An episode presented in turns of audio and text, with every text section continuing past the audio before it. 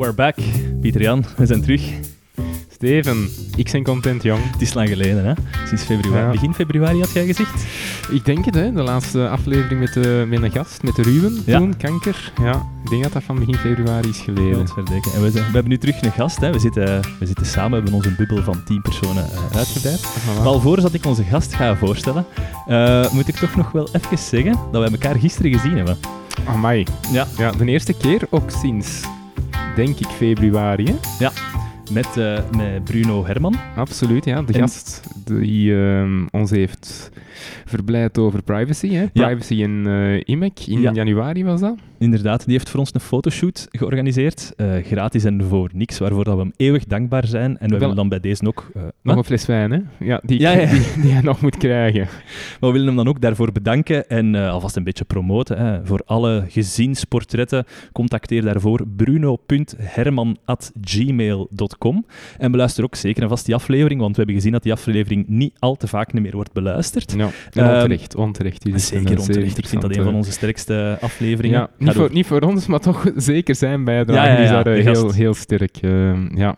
Nee, maar schitterende, allee, al zeg ik het zelf, eh, schitterende portretten Ja. eh, die, jij, die jij kan Ik ben echt nog aan het afvragen wat dat we daarmee gaan doen.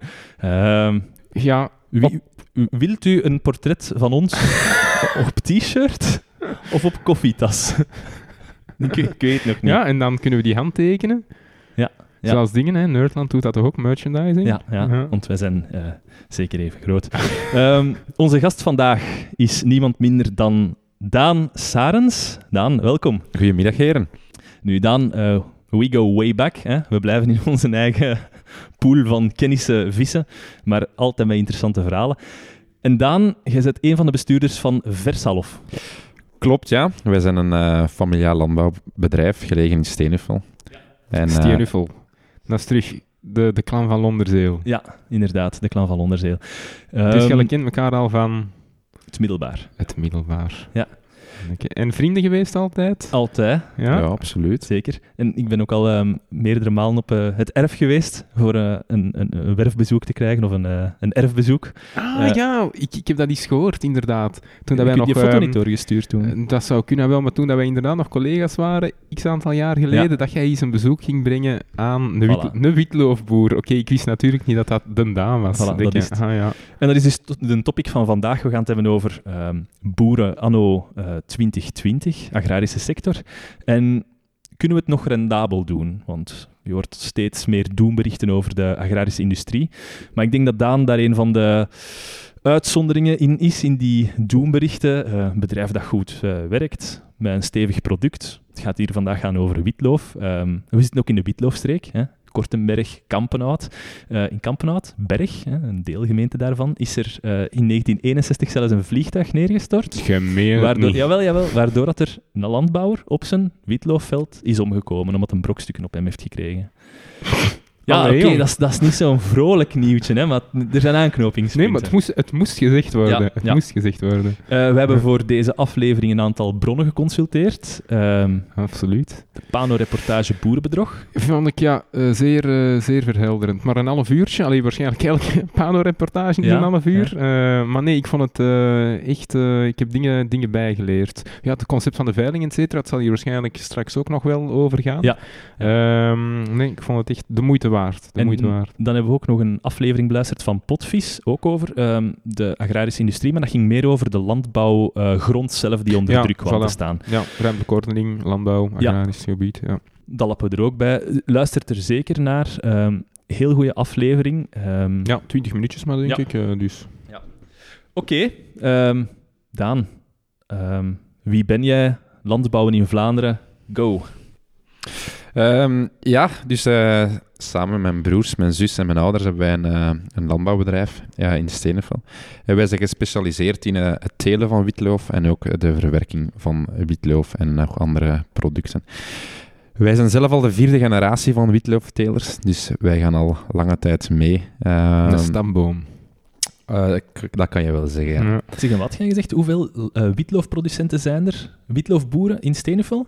Eh, in Stenenvel, ja, ik denk dat wij misschien Kampenhout gaan voorbij steken als het witloofdorp. Want we hebben op dit moment nog eh, vijf actieve witlooftelers in, eh in Stenenveld. Ja, ik kijk nu naar u, dat blijkt veel te zijn. Ja. Eh, Ja, maar ik vind dat ook veel. Ja, Ja, maar ik moet zeggen, in Antwerpen ben ik er nog geen tegengekomen. maar je hebt daarvoor een grond nodig, hè? Niet?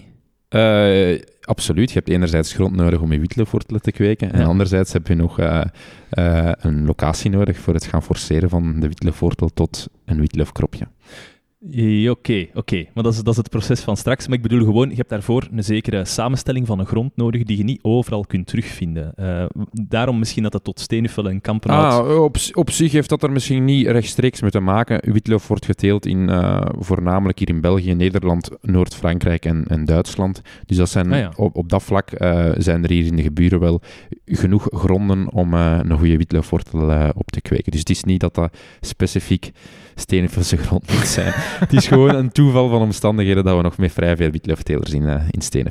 Alright.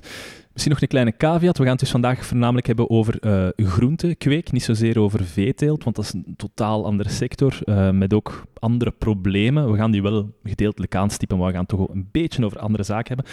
Oké, PG, ik heb een aantal vragen. Hè. Elke aflevering beginnen we met een aantal vragen. Hoeveel procent van de werkende Vlaamse bevolking is actief in de agrarische sector? En de agrarische sector, dat is wel ook veeteelt en... eh, Ja, ja, alles bij elkaar. Alles bij elkaar, ja. Ehm, maar dat is geen transport, hè? Dat is enkel de productie en dan... Enkel de pure landbouwers met de mensen die daar werken. Gaat dat in uw inschatting iets uitmaken? Ik kan maar doen alsof, hè. Ehm, ik zou zeggen... een, een, een 5 tot 7 procent. Daan? Eh, het is een pak, pak minder. Ik denk dat Oei. jij nog eh, cijfers aanhaalt van een 50, 60 jaar geleden Dat misschien. zou kunnen, ja. Eh, wij zitten nu met minder dan 1% van de, van de Vlamingen eh, werkt nog in, eh, in de landbouwsector. En dat aandeel Oei. daalt ook jaar na jaar. Ah, wel, over dat is die, weinig, Over ja. die afname gesproken. Wat is de afname van het aantal landbouwbedrijven in de laatste 20 jaar? Ik heb dus een percentage nodig. Hoeveel Ah is ja, het dus sinds- verminderd? Ja, oké. Ehm, goh, in de laatste 20 jaar 30 procent. Dat is 50%. Maar dus de helft afgenomen, maar wel nog altijd dezelfde landinname. Oké, dus, dus nee, sorry, niet dezelfde landinname, dezelfde productie. Dus de Ja. productie is hetzelfde gebleven. Ah ja. Dus dat wil wel zeggen dat er, ja, ik denk ook dat er qua landbouwgrond is ingeboet, maar dat dan productieprocessen eh, efficiënter zijn geworden. En, Ja, je moet weten, jaarlijks is er ongeveer een 3% minder landbouwbedrijven in Vlaanderen. Dus als je dat op Oké. 20 jaar gaat zien, ziet je bijna een, bijna een halvering van het aantal landbouwers eh, in Vlaanderen. Dus dat gaat eigenlijk wel heel sterk en heel, eh, heel snel. Oké, nog een beetje. Hoeveel kilogram witloof per persoon wordt er in België per jaar gegeten? Nu ben ik echt benieuwd. Ja. Godverdikke, wacht hè. Nu ga ik, Ik eh, kan me op echt nog van herinneren wanneer dat de laatste keer dat ik witlof heb gekocht. Ah, wel, ik kan, ik kan dus, eh, ik heb er juist gezegd, vanavond eh witloof eten. Ja, bij, bij het stoofvlees. Ehm, dus op basis van eigen ervaring zou ik durven zeggen... Of nee, dat is te veel. V- Vier kilo. Goh, ik vind dat eigenlijk een hele schone, schone gok Ja? vanuit. Of inschatting. Nee, het is iets minder nog. Het is rond de 3 kilo. Maar het is wel zo, Mhm. ook daar de, is het aantal kilogram per inwoner de laatste 10, 20 jaar wel enorm gedaald. Vroeger Gedaald? zaten wij op eh, ongeveer een, eh, een zevental kilogram per inwoner.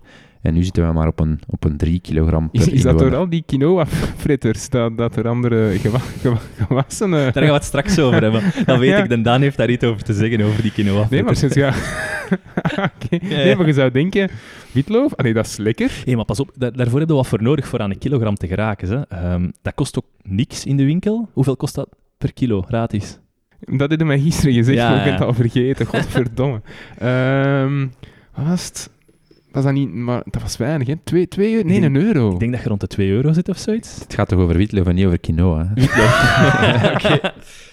Ja, in de winkel zal je het ongeveer voor een, eh, ongeveer een, een tweetal euro per kilogram terugvinden. Ik dacht echt dat dat veel meer was. Ik dacht dat dat zo wat een half luxe product was.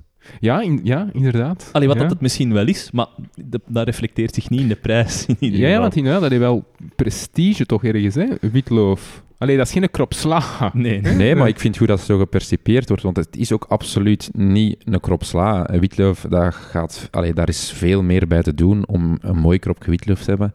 Eh, niks tegen sla. Ik eet ook graag enorm goede sla. Maar het productieproces is gewoon een, een totaal ander productieproces. Wat het ook maakt dat het, eh, dat het duurder is. En dat het ook moet duurder verkocht worden. Alright. Dus. De laatste trivia-vraag. De gemiddelde leeftijd van een boer in Vlaanderen. Goh, ehm, ja, dat gaat niet laag zijn. Hè. Ik kan zeggen, gemiddeld ehm, f- mm, mm, 50.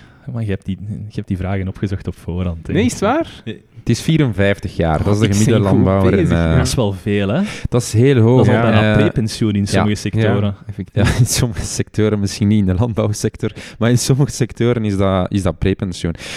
Maar dus daar zit wel een, een, een, een soort van problematiek in de landbouwsector, dat de gemiddelde landbouwer echt wel al behoorlijke leeftijd heeft. En ook maar 1 op 8 van de landbouwers die boven de 50 jaar zijn, heeft een vermoedelijke opvolger. Dat wil dus zeggen, als je zegt van ja, de laatste 20 jaar zijn we gehalveerd in het aantal landbouwers, het zal er de komende 20 jaar misschien zeker niet op verbeteren op dat vlak. Ehm, is dat een slechte tendens? Ik weet dat niet. Allee, eh, het is niet omdat er minder landbouwers gaan zijn, dat er niet aan beter landbouw of wat Mhm. dan ook gaan, gaan worden. Maar het heeft natuurlijk wel consequenties op schaalgrootte enzovoort. Ja. Dus uw vader, werkt hij nog eh, mee? absoluut. Ja? Nog, vader en moeder nog steeds eh, zeer actief in het bedrijf. En die zijn nu ook, ja, die gaan richting de 60. Ja, dat zal wel. Ja. Ja, ja, En de opvolging is ook al verzekerd, heb ik gehoord. Ja, klopt. Ja. Bij ons is de opvolging verzekerd. eh. De volgende generatie Ja. hangt er al aan. Bij deze.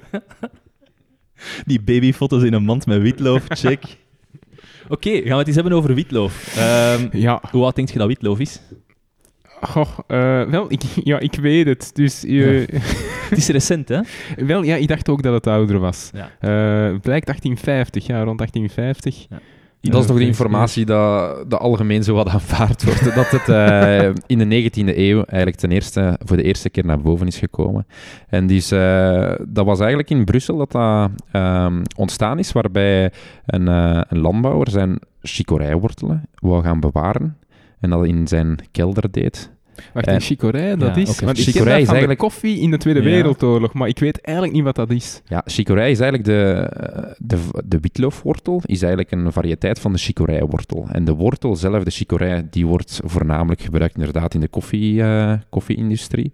En het is in, de- in dat opzicht dat, eh, dat men die wortel wou gaan bewaren. En die persoon had eh, toen het idee om dat eigenlijk onder de wat grond over te doen. En dat was in een vochtige en warme en eh, donkere omgeving. En hij zag na enkele weken van, oh kijk, daar komt eigenlijk... eh, mooie witte krokante blaadjes op.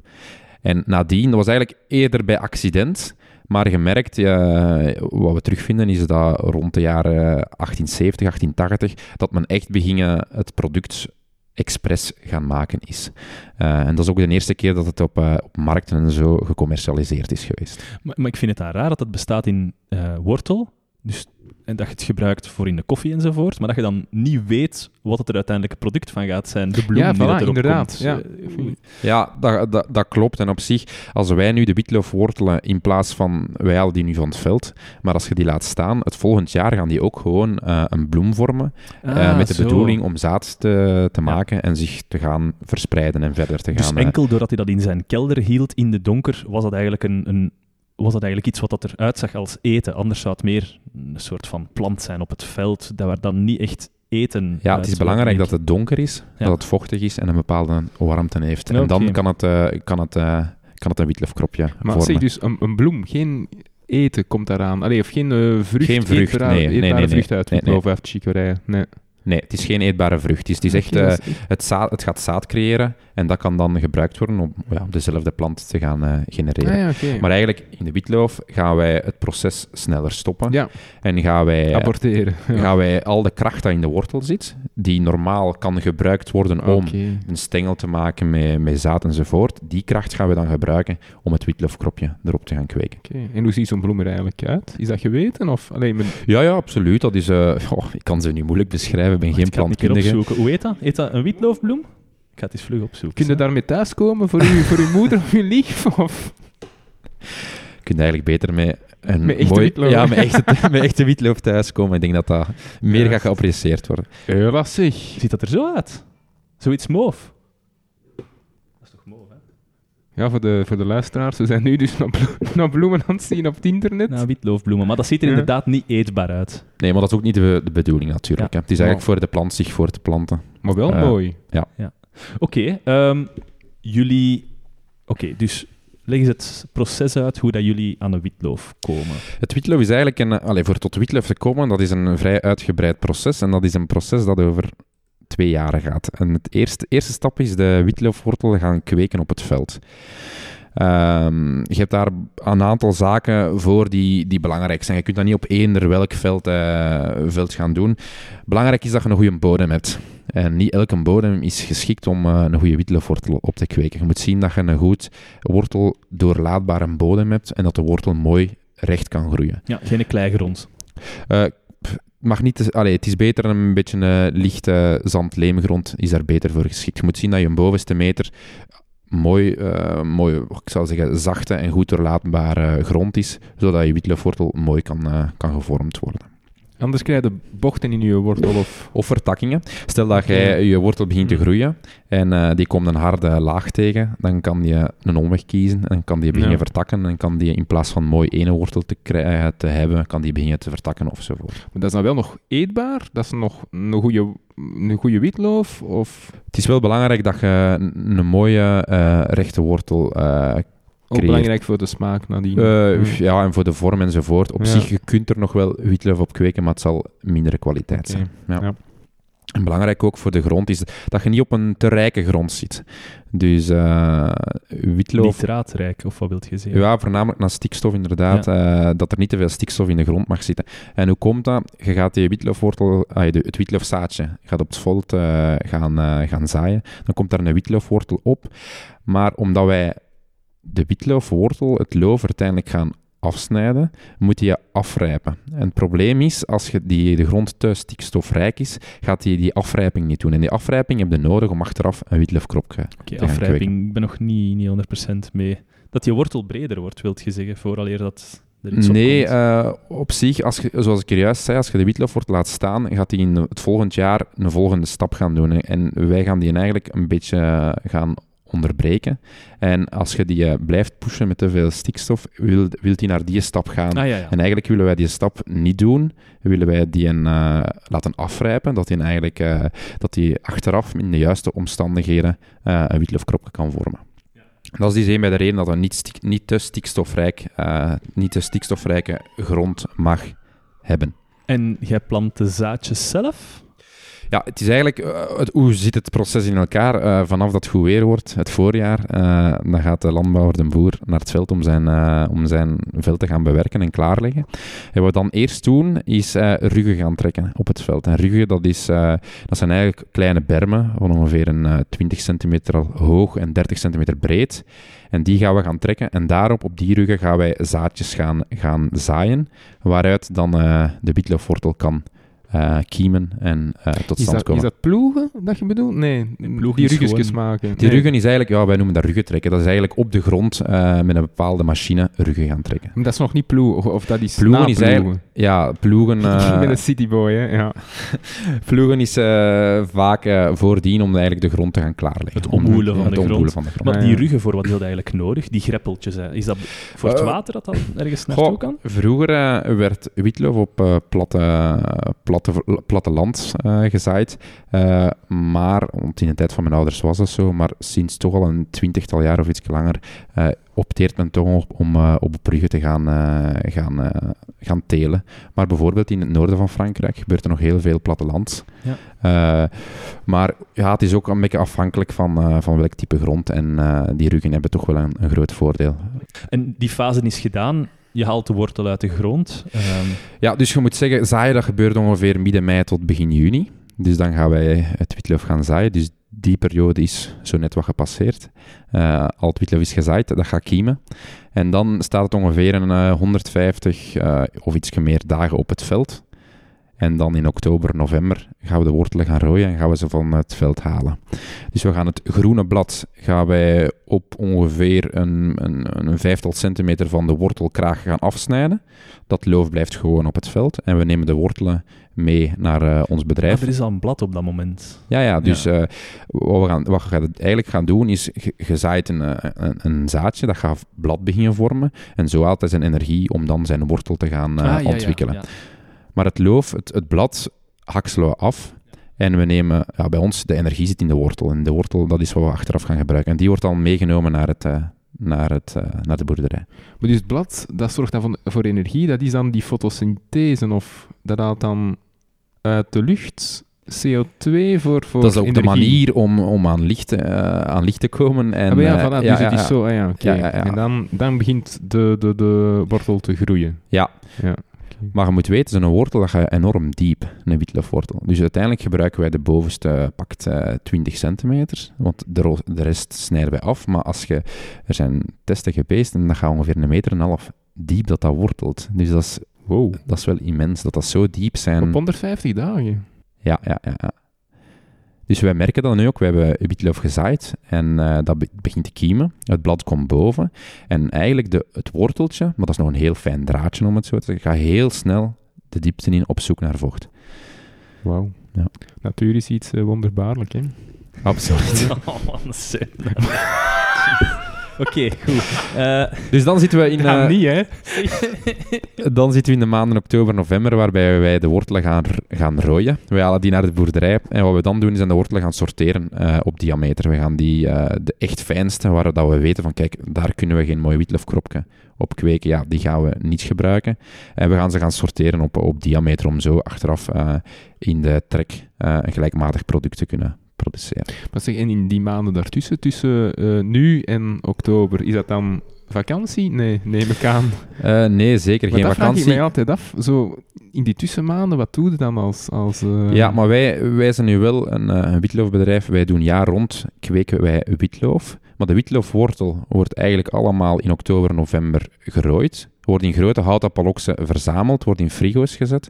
En doorheen het jaar gaan wij eh paloksen uit de frigo halen en gaan wij oké. witloof gaan forceren. En dat is de reden waarom dat je jaar rond witloof kan eten. Dus wij, wij hebben jaar rond activiteit. paloksen, eh bedoeld plastieke bakken. Eh paloksen, dat zijn eigenlijk dubbel kuubkisten, eh houten. Ik begreep het juist niet. Eh, ja, dat zijn twee, twee kubieke meter ongeveer qua grootte. Amai, dat is veel. En daar zitten dan ongeveer een, eh een 5 tot 7000 witloofwortelen per palox in. Ja. Wow. Wow, in twee, twee kubieke meter. 7000. Maar Ja, op elkaar gestapeld of... Ja, wij, wij trillen die aan om eigenlijk eh, toch proberen wel een bepaalde hoeveelheid in onze eh paloxen te hebben. Ja, oké. Ja. En je moet weten, ongeveer van 1 hectare haalde ongeveer een, eh, een dertigtal paloxen. Amai, groeit goed. Ongeveer, ja. Ja, En dan- ja, dat groeit goed. Hè? Dan laat je die een jaar staan. Ja, dan is de bedoeling, ehm, dus de wortelen die zijn dan geoogst, geoogst die zitten in, eh, in grote frigo's. En dan gaan we jaar rond gaan wij, eh, de wortelen uit eh, de frigo's halen en gaan intafelen of inzetten zoals wij, zoals wij het noemen. Dus wij halen paloksen uit de frigo en we gaan die, wij kweken witloof op, hydro, op basis op eh, hydroteelt. Dus wij gaan die wortelen in eh, kweekbakken zetten. En kweekbakken, hoe moet je dat inbeelden? Dat is op zich ongeveer eh, ja, een meter op een meter en eh, een 15 à 20 centimeter hoog. En daarin gaan we allemaal wortelen naast elkaar zetten. En dat noemen wij inzetten. En die bakken gaan we dan stapelen in kweekcellen. En dan volgt het forceren van, eh, Dus dat van het water naar beneden druppelt van ieder palet. ja, van iedere bak. Dus bovenaan voegen wij water toe. En eh, dat gaat kriskras door al die bakken stromen. Onderaan wordt het water terug opgevangen en wordt terug naar boven gepompt. En zo gaan wij het water, hetzelfde water eigenlijk eh, drie weken lang gaan gebruiken om op die wortel een witloofkropje te gaan, te gaan kweken. Dat is dan de, de tweede fase van het... eh, Dat is dus de tweede fase eh, van het proces. Dat is echt het forceren, het forceren van, eh, van witloof. Wat ik wel indrukwekkend vond, ik ben er al geweest ehm, eh, op uw boerderij, en daar was een enorm grote waterzuiveringsinstallatie, waar dat er dan ook ehm, ja, containers waren met ja, ingrediënten die dat je dan in het water voegt voor nutriënten toe te voegen. Ja, dat klopt. Dus het water wordt onderaan, eh, van de laatste bak, wordt het water opgevangen. Dat gaat naar een, een bassin. En in dat bassin kunnen wij temperatuur regelen van het water. Uh, wij kunnen bepaalde uh, nutriënten gaan toevoegen. En van daaruit wordt er dan opnieuw opgepompt om bovenaan terug het water aan de bovenste bak te kunnen toevoegen. En zo heb je eigenlijk een, een circulaire, circulair circuit. En de witloofwortel neemt het water op en vormt samen met de kracht die in de witloofwortel zit, vormt dan uh, het witloofkropje. Dus je, je ontwaakt hij eigenlijk uit zijn winterslaap, wat we ook een beetje gezien hebben, denk ik, bij um, het gerst, um, dat dan moet beginnen mouten en dat we dan, waar dat we dan bier van gaan maken, mm -hmm. met die aflevering met Stijn Mertens. Ja, ja ik, ben nog niet, ik ben nog niet zo nieuw. ik zeg het ja. voor u en voor de luisteraars ja, maar wacht dan naar mij om te kijken. ja.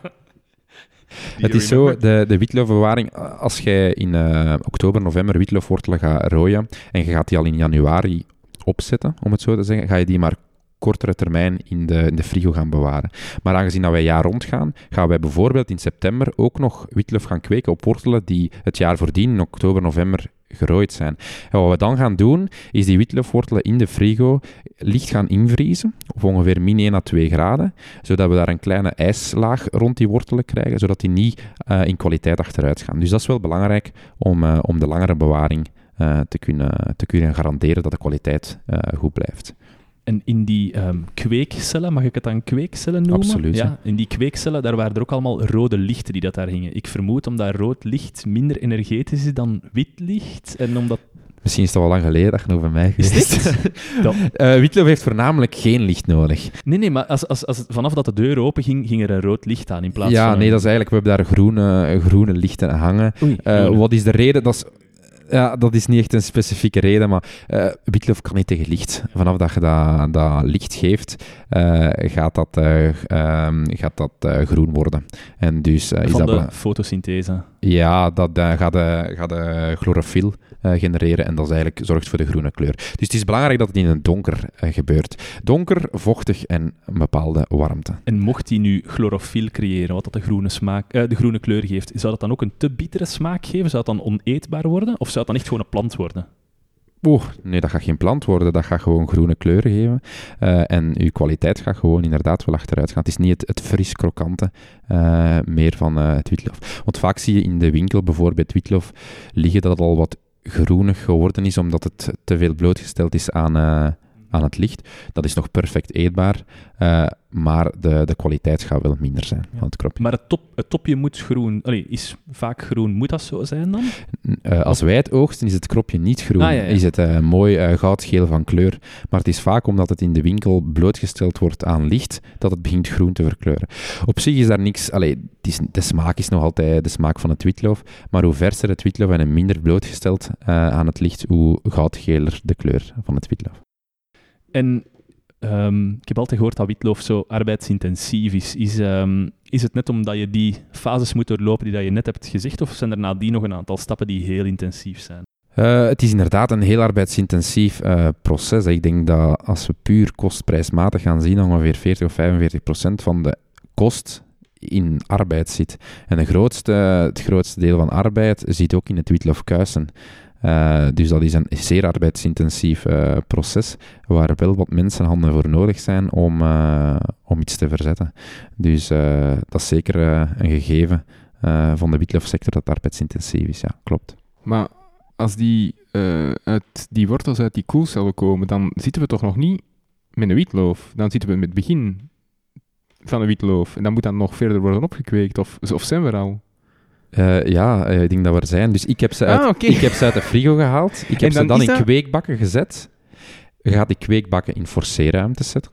Daar Ja. ga je gedurende ongeveer een 21-tal dagen ga je daar water Ja. gaan doorstromen, een bepaalde temperatuur, in het donker. En dan groeit het witloof op de witloofkrop. En na 21 Ah, dagen, dan is het echt al een witloof. dan is het een witloofkrop. Haal je de bakken uit, eh, uit de forceerruimte en ga je het witloof gaan oogsten. Amai, maar dan zit dat echt vol met witloof. Daar zit, hè, want 7000 voor 2 kubieke meter. Nee, maar dat is die wortels die daar worden opgeslagen in die bakken. Nu zijn ze al gesorteerd in zo van die Ah, wacht, dan plastieke heb bakken ik... waar dat water doorstroomt.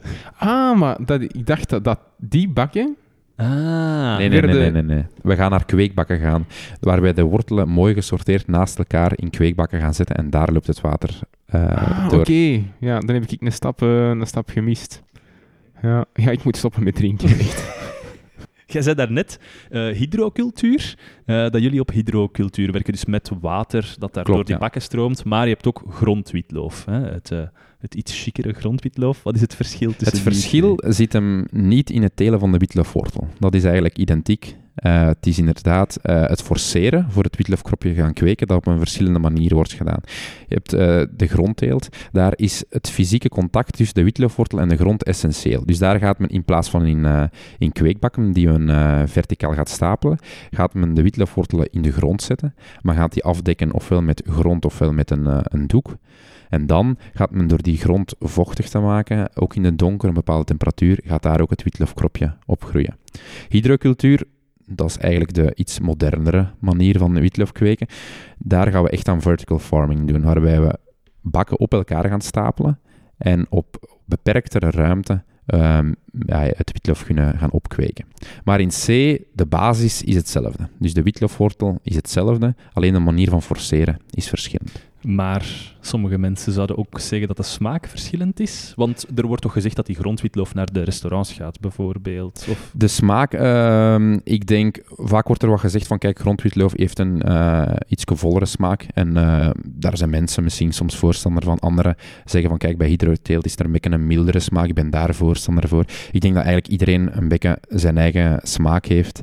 Um, en dat uh, ja, iedereen uh, moet ja, zelf kiezen wat hij prefereert. Ja, maar plus ook, je kunt toch de smaak zelf van je uh, hydro-witloaf bepalen door de voedingsstoffen die je dat geeft. Dus je kunt dat... Dat ga je niet echt doen. Hè. De smaak nee? van het witloof die wordt echt wel bepaald door de, de variëteit en door de witloofwortel. Ah, ja, ja. Dus die nutriënten dat je gaat toevoegen, al dan niet, want je kunt perfect witloof kweken zonder nutriënten te gaan toevoegen.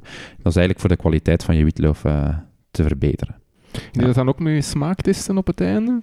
Als die dan gekweekt zijn, dat je daar, er zijn uh, bepaalde... bij de wijn en, en bier, et cetera? je hebt uh, in de witloofsector verschillende variëteiten, want doorheen het jaar heb je verschillende variëteiten. En sommige variëteiten hebben nu eenmaal de eigenschap dat ze iets gebieterder zijn of iets zoeter zijn. Um, dus dat inderdaad, daar uh, heb je wel een bepaald verschil. Ah, Oké, okay. en doorheen, de, doorheen het jaar, hè, verschillende variëteiten. Ja. Bij u is dat dan niet het geval? Of allee, bij u, dat is uh, altijd hetzelfde product dat eruit komt? Ja, het eindresultaat is witloof, maar ja. je, kan je hebt variëteiten die je nodig hebt in het begin van, uh, voor, voor de maanden december, januari heb je bepaalde variëteiten. Maar je kan dezelfde variëteit van witloofwortel niet vijf maand later gaan gebruiken, want dan ga je een meer het gewenste resultaat hebben. Dus om, om jaar rond te gaan, mm. heb je verschillende variëteiten nodig. Ah, toch? En ja product dat eruit komt, is dan altijd... Is wel witloof, maar is altijd licht verschillend. Maar okay. ay, een gewone consument zal dat verschil niet zien. Oké. Okay. Uh, nee. Maar uh, ja, om eigenlijk jaar rond te kunnen telen en ook uh, bepaalde, bepaalde risicospreiding te doen enzovoort, wordt er geopteerd ja. voor verschillende witloof-variëteiten.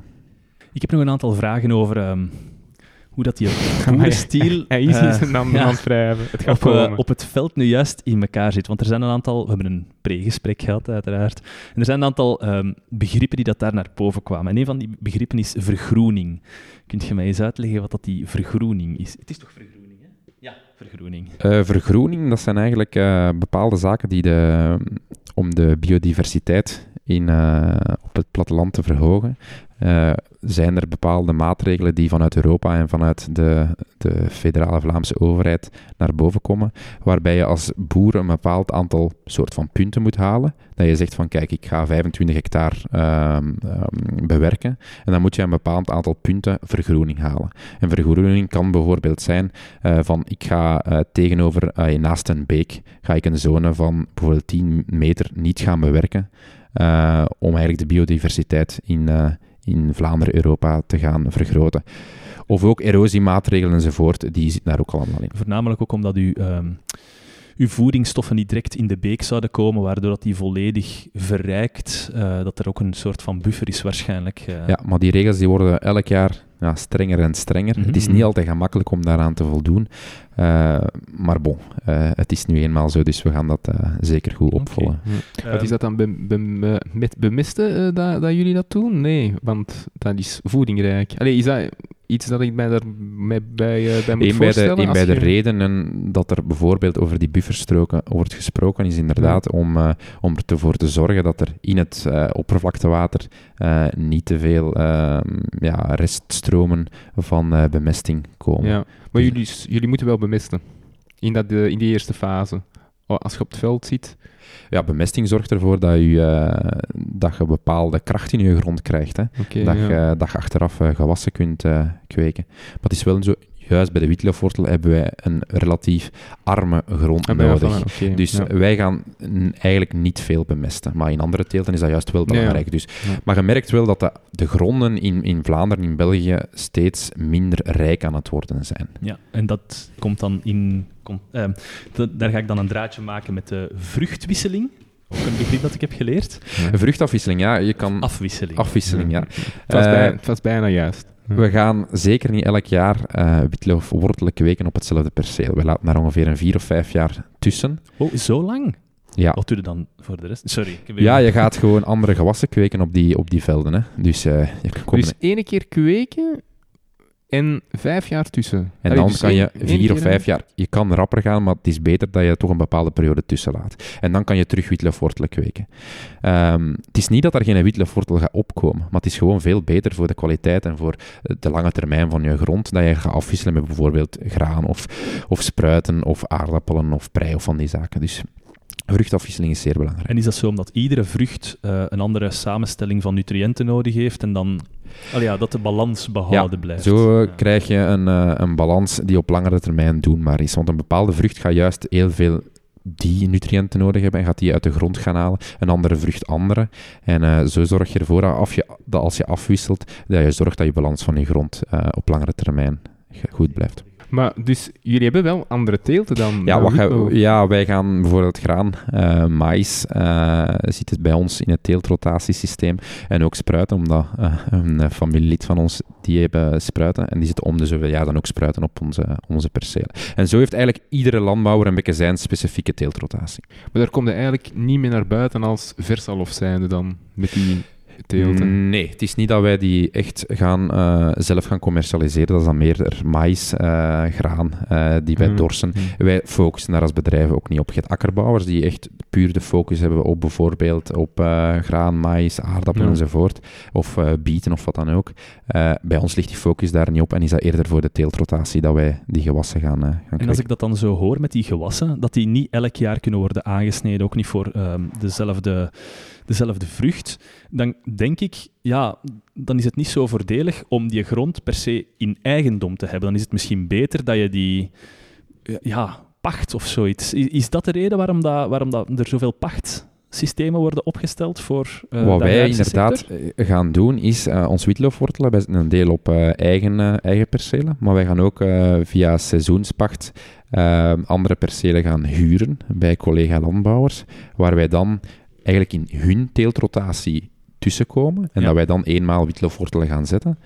Eh, en zo vaak proberen dan bij die andere landbouwer ook zijn percelen af te gaan, om zo om de zoveel jaar terug op hetzelfde perceel te komen. Amai, dus dat is echt wel een, een interconnectie. En je moet goed overeenkomen als, als eh, landbouwers binnen dezelfde streek, denk ik dan.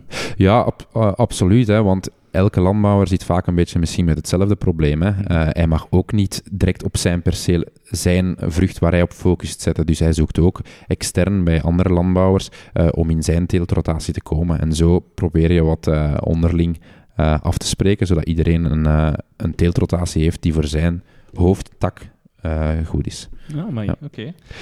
Het is wel zo, eh, je hebt boeren met heel veel eigendom, maar je hebt landbouwers die ook eh, relatief weinig eigendom hebben. En dan eh, heb je twee systemen, ofwel heb je pacht, ofwel heb je seizoenspacht. En pacht is eigenlijk op langere termijn, dat je zegt van kijk, ik ga bij iemand een pacht staan, en dan heb je bijvoorbeeld voor 9 of 18 jaar dat je dat perceel mag gebruiken. Seizoenspacht is op jaarbasis, waarbij je gaat zeggen van wij gaan dit perceel één jaar gaan gebruiken of één jaar huren. Eh, ik kan mij ook inbeelden dat die, ehm, ja, die activiteit, dat, je voor elke stap andere machines nodig hebt. Hè. Voor het zaaien, voor het ploegen, voor het oogsten, allemaal andere machines. Heb je die allemaal in eigendom of ga je die huren of laat je de andere mensen voor u doen? Het zit zo, eh, dat is een keuze dat elke landbouwer zelf maakt. Wij hebben voornamelijk alle machines die we nodig hebben voor het kweken van de witloofwortelen. Maar bijvoorbeeld een zaaimachine voor maïs te, te planten, hebben wij zelf niet, omdat daar ook onze focus in ligt. En dat besteden we dan uit aan, aan loonwerkers. Maar alle machines die nodig zijn voor de witloofsector hebben we wel in eigen beheer. En waarom? Omdat je hebt niet veel de juiste moment om je perceel te gaan bewerken of te gaan zaaien. Dat, dat komt vaak, het regent even, nu moeten we het doen.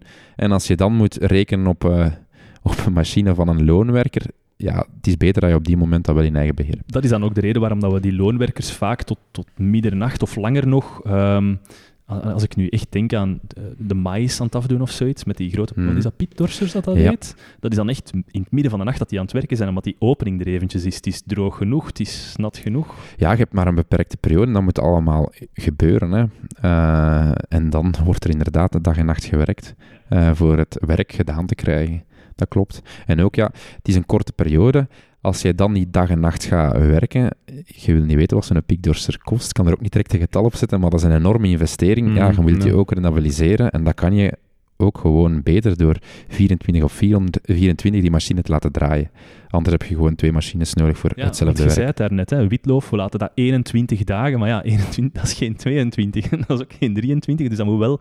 Allee, is dat zo bij, secuur? Ja. Maar je kan, ja, als je, je kan af en toe wat sneller oogsten, bijvoorbeeld na 19 dagen, of soms uh, na 22, 23 dagen. Uh, dat is afhankelijk van, uh, van, van het witloof en van de variëteit ja, zelf. Maar 30 moet het er niet worden. Er zijn sommige mensen die op vier weken kweken, dan zit je aan 28 dagen. Dat is een mhm. mogelijkheid, maar je moet daar je, je, ritme wat aan aanpassen. Bijvoorbeeld, je kunt okay. de temperatuur aanpassen en daarmee kan je een beetje de groei gaan sturen. Ja, dat moet je anticiperen. Ja. Zeg maar, als het uh, over arbeidsintensiviteit gaat, mogen wij eens polsen zo'n jaar of een dag? Hoe, hoe ziet dat er bij u uit? Ik neem aan, dat is geen 9 to 5.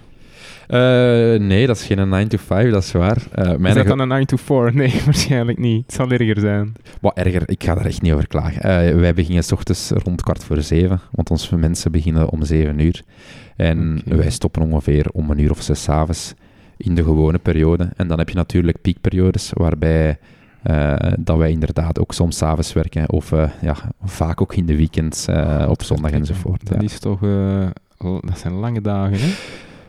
Ja, maar ik ga daar niet over klagen, eerlijk gezegd. Ik, ik stap nee, mijn bed uit, ik uh, eet, ik kleed mij aan, ik ben aan het werken. Ik denk, uh, heel veel mensen zitten nog een uur in de auto naar hun werk, Juist. zitten een uur terug. Juist, en dan ja. komen die eigenlijk misschien aan dezelfde uren. En dan ben ik liever al die uren okay, uh, ja. bezig dan dat ik in de auto zit. Dus, en in zo'n vakantie, is dat de, de, de, wat is dat normaal? 30 dagen? Ik heb er maar 20, dus. Ja, ja. Hè, maar wat die, allee, komt het daaraan? Nee, waarschijnlijk ook niet. Nee, maar dat is uiteindelijk een, een, een keuze dat je ook zelf okay, maakt. Ja. Uh, wij hebben intern eens gezien afgesproken dat wij vijftiental dagen op een jaar mogen pakken. En dat we die ook uh, aanmoedigen om die te pakken. Ook omdat wij allemaal met partners zitten die niet in de landbouwsector zitten. Dus we moeten die ook wat goed gezien houden. Ja, maar dat is het voordeel dat je met een aantal mensen zijn waarop dat je kan terugvallen voor de dat rotatie. Dat is waar, want inderdaad, je hebt melkveebedrijven die, ja, die jaar rond die ja, zien dat die koeien gemolken worden. Als je dan alleen op je bedrijf bent, is dat een, een veel moeilijker verhaal. Hè. In ons geval is dat een groot voordeel dat we met verschillende familiale krachten zitten, zodat we het wel een beetje kunnen verdelen. Zeg, hoeveel kost een tractor? ik vraag mij dat af. Uh, een tractor, uh, ja, dat hangt er natuurlijk vanaf welke grootte enzovoort, maar ik denk dat je rond, uh, rond 100.000 euro. Ja, dat is een dure BMW zeker. Nee? Een, ja, ja, een, een hele dure BMW. nee, ja. Ik denk dat je richting sportwagen gaat, hè? Ja, ja. Ehm, Goed, heb je daar eigenlijk een opleiding voor nodig om boer te worden? Uh, in C heb je daar geen opleiding voor uh, nodig. Je gaat heel veel van vader op zoon of van moeder op dochter of wat dan ja, ook. Dat is ook een opleiding natuurlijk. Uh, ik denk dat dat de grootste ja. opleiding is. Eh, maar het is wel zo dat er startercursussen zijn voor landbouwers. En dat is dan eigenlijk een, een avondschool dat je kan volgen. Um, maar daar ligt de focus voornamelijk op het uh, economische.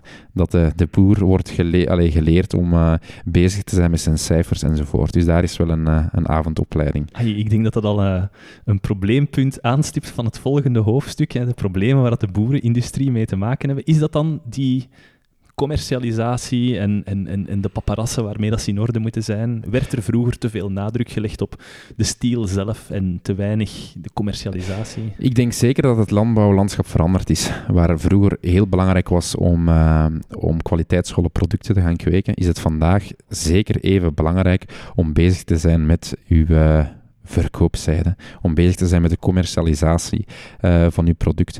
En dat begint vandaag meer en meer van belang te zijn. En het is daar ook dat. Uh, uh, dat is ook de reden waarom er ook veel mensen uh, stoppen, omdat het gewoon economisch niet rendabel is. en dat we zien dat de landbouwsector op dat vlak enorm onder druk staat. Dus het is belangrijk dat iedereen daar echt wel mee bezig is. Absoluut. Ja, hoeveel mensen, of hoeveel boeren zitten er in de armoede? In die reportage werd dat gezegd. Ik heb dat ergens opgeschreven. Niet opgeschreven. Wacht, ik ga eens kijken. hier, 4 op de 10. Maar dat is veel. Dat is veel, hè? Oké, maar je hebt wel nog een ganse infrastructuur waarop dat je kunt terugvallen, mocht je het Ja, maar dat is, wel, dat is wel een dramatisch cijfer. Dat wil zeggen dat, dat je met de activiteit dat je aan het doen bent, dat je dus geen of zelfs een negatief inkomen aan het genereren bent. En dat is wel uh, zeer problematisch. Ja, inderdaad. Ja, en als je weet wat dat je dan persoonlijk maar van inkomen nodig hebt per maand, allee, ik denk ja, dat je rond de 17, 1800 euro moet beginnen denken om een, een, een normaal bestaan te kunnen, te kunnen leiden. En als je dan als je ziet Mhm. wat voor een miljoenenindustrie dat uw boerderij kan zijn, en als je daar dan. Ja, geen Qua omzet, ja, inderdaad. kleine 2000 Ja. euro per maand van kunt afromen voor jezelf, is dat toch problematisch, hè? Absoluut. Eh, en eh, je begint ook een, en dat is dan meer van de, de laatste jaren, je ziet een, een grote discrepantie in de landbouwsector aan het krijgen tussen bedrijven die zeer professioneel gaan werken, die aan schaalvergroting doen of aan specialisatie of aan nicheproducten zoeken, eh, en andere bedrijven die het veel moeilijker hebben. Want het is niet zo dat er geen landbouwers zijn die hun boterham verdienen, dat is niet zo, maar over het algemeen gezien eh, is het inderdaad een zeer moeilijke sector. Eh, waar dat je als landbouwer ehm, echt wel een visie moet hebben van waar wil ik heen gaan en eh, welke zijn de zaken die moet ik aanpakken om op het einde van de maand of het einde van de rit wel een inkomen te vergaren. Maar ik stel voor dat we dat bespreken in het tweede deel, een kleine pauze, en dan gaan we door met de, de oplossingen voor deze problemen. Ja, Alright. absoluut. Oké, deel 2.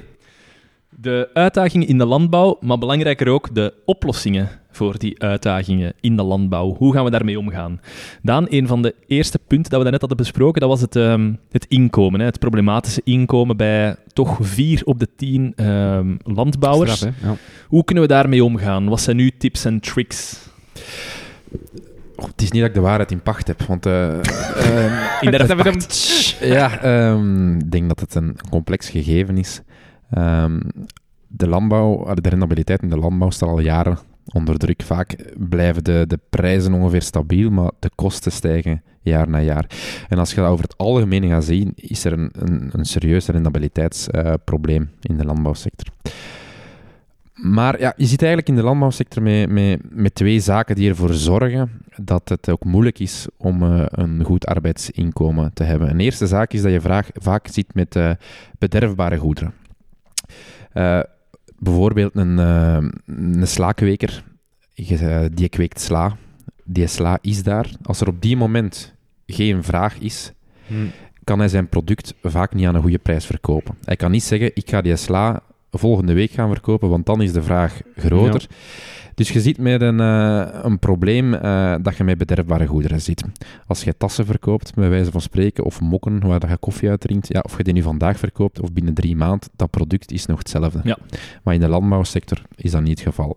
Waardoor vraag en aanbod niet goed op elkaar zijn afgestemd. Of toch alleszins niet altijd op elkaar zijn Ja, afgestemd. want als je dan eens een goede oogst hebt, dan word je eigenlijk gescharreld, want je aanbod is groot, wat betekent dat je prijs daalt. Eh, Dat is vaak het geval. Eh, Mhm. Het is vaak beter dat een oogst een beetje mislukt en dat er in Ja. het algemeen... In alle, ja, maar eh, Ja, niet mislukken, maar dat je zegt van over het algemeen is er 10 of 15 procent minder product. Ja. Maar op het einde van de rit zal de landbouwer meer verdiend hebben dan dat een fantastische oogst was, waar dat er zoveel aanbod is, maar daar, waar de vraagzijde dan zegt van ja, er is zoveel aanbod, we kunnen het kopen aan een lagere prijs. Dat is raar, hè? Ja. Dus dat is één bij de, de oorzaken. Dus eh, bederfbare goederen, wat je vandaag eh, niet, eh, niet verkocht krijgt, ja, dat kan je volgende week Ja. niet meer verkopen. Een ander probleem is ook dat we met, met heel veel uniforme producten zet- zitten. Bijvoorbeeld een melkveelandbouwer die melk produceert, de melk van die boer, of de- ja, er zijn pakt 2000 landbouwbedrijven die melk produceren. Je zit met een vrij uniform product. En daar sta je vaak als landbouwer, ehm, ja, hoe een unieker product dat je hebt, hoe meer onderhandelingsmacht dat je hebt om een, eh, om, om een goede, goede prijs te bedingen. Maar je zit met zeer veel uniforme producten, ehm, wat ervoor zorgt dat de prijsvorming niet altijd gemakkelijk is. Dat zijn een beetje misschien de oorzaken. Wat zijn de mogelijke oplossingen voor toch te gaan naar een, eh, een beter arbeidsinkomen? Enerzijds, ik had het over bederfbare goederen. Als je er kan voor zorgen dat die goederen langer houdbaar zijn, eh, dat je de kwaliteit langer kan bewaren, kan je er toch voor zorgen eh, dat je langere tijd je product eh, aan de man kan brengen. Dat is een, een mogelijkheid. Dat is ook een mogelijkheid dat wij met ons bedrijf doen. Wij gaan ons product dat vers is gaan voorgaren. En dat heeft eh voordelen ook op vlak van houdbaarheid. Daardoor is ons product enkele weken houdbaar. En dat zorgt ervoor ook dat vraag en aanbod meer op elkaar is afgestemd geraakt. Ik heb hier voor mij een pakje ehm, met vier eh, gestoomde witloofjes, die dat jullie in koolruit hebben liggen. Ehm vacuüm verpakt en voorgestoomd. Ehm, dat product dat is eh, enkele weken houdbaar. Ehm, dus ik zie hier eigenlijk een, een afgewerkt product. Geen, geen, eh, want je hebt voor, mij, eh, voor ons ook witloof meegebracht. De witloof-stammetjes die dat jullie zelf maken, noem je dat zo? Kropjes die dat jullie zelf maken. Maar dan hier ook het, het, het afgewerkte product. Is dat eigenlijk waar dat een moderne landbouwer naartoe zou moeten gaan? Met- Je hebt eigenlijk twee, allee, om het kort door de bocht te gaan, twee mogelijkheden. Ofwel ga je je specialiseren om voor de, wat meer de massa te gaan eh, creëren, het, het basisproduct. Maar dan moet je zien dat je dat probeert aan een lagere kostprijs te doen, zodat je eh, op het einde van de rit toch eh, je boterham verdient. Anderzijds, en dat zien we meer en meer vandaag in de landbouw, is dat er eh, landbouwbedrijven een verbredende activiteit gaan bijnemen. Wij gaan nu voor, eh, voor gegaarde groenten, gegaard witloof. Andere landbouwers, ik denk maar aan hoevenverkoop of thuisverkoop. Of iedereen kan een beetje, allez, kan een beetje kijken van waar zijn er mogelijkheden om toch mijn product aan een, eh, een betere prijs aan de man te brengen en toch een arbeidsinkomen te Maar- hebben. Vooraleer dat we daarover, want ik wil daar wel dieper op ingaan, maar vooraleer dat we naar daar kunnen gaan, wil ik wel eerst eens kijken hoe dat het normale systeem werkt. Hè. Als je, pak 20 jaar geleden, hoe verkocht de boer toen zijn producten? Ja, het, het- de klassieke manier om te verkopen is eh, via het veilingssysteem. En de veiling is, een, is eigendom van de boeren. Dus het is een coöperatie waarbij boeren eigenlijk afspreken om de commercialisatie gezamenlijk te gaan doen. Dus ze brengen de producten samen en stappen als gezamenlijke entiteit, als gezamenlijke veiling dan naar potentiële klanten om hun product aan de man te brengen. Je hebt daar verschillende systemen, hoe dat, dat wordt gedaan. Eh, een klassiek systeem dat gebeurt, is aan de hand van klokverkoop. En dat is de manier om vraag en aanbod in, eh, in evenwicht te brengen. Dat wil zeggen, landbouwers gaan hun product naar de veiling brengen. Ehm, en dan aan de hand van klokverkoop gaan kopers kunnen bepalen aan welke prijs en aan welke hoeveelheid dat ze gaan kopen. Natuurlijk is dat een beetje een... Ja, Kunt je dat eens even toelichten, die klokverkoop? ja, wat wil dat nu zeggen? Bijvoorbeeld, er brengen 10 landbouwers elk eh 2 ton witloof eh, naar, de, naar de veiling. Er is 20 ton witloof voorradig. En dan zijn er bijvoorbeeld, eh, ik zeg nu maar, drie kopers die witloof willen kopen. Klokverkoop ziet zo, eh, dat is een aflopende klok, waarbij er bijvoorbeeld begonnen wordt met 3 euro per kilogram. En dan stelselmatig begint die af te lopen. 2,5 euro, 2 euro, 1,80 euro, 1,50 euro. En zo af, eh, blijft die aflopen totdat er ene koper zegt van ik druk. Aan die prijs moet hij dan bepalen hoeveel product hij gaat kopen. Ja. Natuurlijk is er bijvoorbeeld een overaanbod en de vraag is veel kleiner dan het aanbod. De kopers die weten dat ook. En die weten dan, ja, hoe langer dat ik wacht, hoe minder ik voor mijn product moet betalen. Uh, en dat is natuurlijk een slechte zaak. Is er een vraagoverschot, waarbij er dus meer vraag is dan het aanbod, dan gaan de kopers sneller duwen, Mhm. waardoor dat zij een hogere prijs gaan bepaal, betalen uh, aan de landbouwer. Want dus als je als eerste drukt, betaal Dan- je de hoogste prijs. ja, effectief, maar je kiest wel hoeveel. Dus het kan zijn dat dan de andere kopers niets hebben.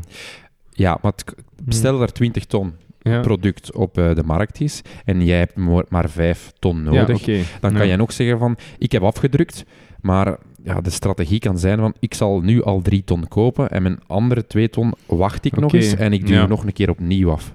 Ja. Als je dan merkt van, ja, eigenlijk is er zo weinig vraag, ah wel, dan laat ik mijn eh, eh, prijs nog wel later za- lager zakken ja. om aan nog een voordeliger tarief te zeggen. Maar voor alle duidelijkheid, de boer heeft hier totaal niks aan te zeggen. Dus de, de boer heeft geen invloed op die prijsvorming aan de klok. Dus je kunt ook niet zeggen op het einde, nee, dat doe ik niet. Aan zo'n prijs. Allee, ja, dan ziet je natuurlijk, wat doe er dan mee, hè, met, je- met je product? Ja, en dat is eh, vaak een bij de frustraties van landbouwers, waarbij, we zeggen van, waarbij ze zeggen van, kijk, we zouden een bepaalde minimumprijs moeten hebben, waar, waaronder we niet verkopen.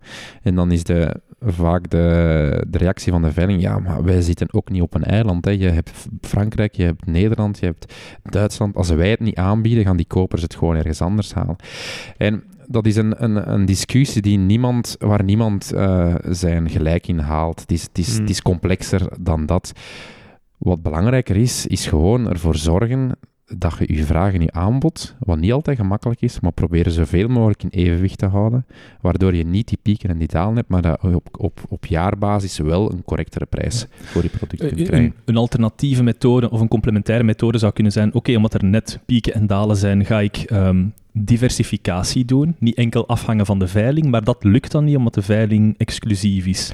Als je, als je kiest voor je commercialisatie bij de veiling te doen, dan is één bij de randvoorwaarden is dat je al je product via die veiling gaat commercialiseren. Ze hebben daar nu wel stilletjes aan wat meer uitzonderingen op toegelaten, omdat er heel veel mensen met thuisverkoop zitten. Ja. En het is een, een bepaald percentage. ehm, ik, ik ken niet het exacte percentage, maar ik denk dat dat misschien een, een 15% of zo, ik weet het echt exact niet, maar ik denk dat dat zoiets zal zijn, dat je mocht zeggen van, dat ga ik zelf commercialiseren via thuisverkoop. Ik vond dat wel tijdens die, eh, die Pano-reportage. Ja. Ik vond dat wel ja, schokkerend om te zien. Ik denk dan een veilingzaal. Ik beeld mij dan zo'n drukke bedoeling in. Daar zat zo drie man. Iemand Ja. van de Ja, iemand van? Colruyt en iemand van allee, nog iets Mhm. anders. En die, die zaten dan naast elkaar. En dat was echt precies zo'n onderrondje. Wanneer gaan we hier afdrukken? Dus dat, allee, je zegt het, het is een vraag en aanbod, maar de vraag organiseert zichzelf ook wel enorm. Hè? Ehm, er zijn precies... Er zit maar drie man in de zaal, dus de vraag is enorm afhankelijk van dat aantal mensen dat daar zit. Ah, maar je zei dat er ook... Ja, maar eh, laten we zo zeggen dat er veel meer digitaal zal nu gekocht worden. Eh, Ja, oké. De aankopers doen ook aan telewerking en eh, Mhm. die gaan vanuit hun bureau eigenlijk, kunnen die live de verkoop volgen en daar hun koop doen. Maar dus het systeem van vroeger, waar elke boer met zijn producten naar de veiling moest gaan en dan moest laten zien aan de kopers, kijk, dit is hè, het product van mij met een zeer goede kwaliteit. Ik heb gehoord dat, dat we daarvan zijn afgestapt, dat de veiling zelf de kwaliteit gaat controleren van ja, de producten. dus als je naar de, naar de veiling gaat, vooraleer dat je je product afzet, wordt een kwaliteitscontrole gedaan en worden je product ingedeeld in bepaalde blokken, waarbij we zeggen van, pakt voor... eh, ik zeg nu maar iets voor komkommers, zijn er tien vers- verschillende soorten blokken. eh, afhankelijk van dikte, van grootte, van kwaliteit enzovoort. Alle landbouwers brengen hun producten en aan de hand van de kwaliteitscontrole gaat men zeggen van kijk, uw product past in die blok, uw product in die blok enzovoort. En de kopers, die gaan eigenlijk op blok kopen. Die gaan niet op landbouwer kopen, maar die gaan op blok kopen. Vroeger was dat, heel vroeger was dat anders. Dan kwam de landbouwer echt zelf zijn waar presenteren.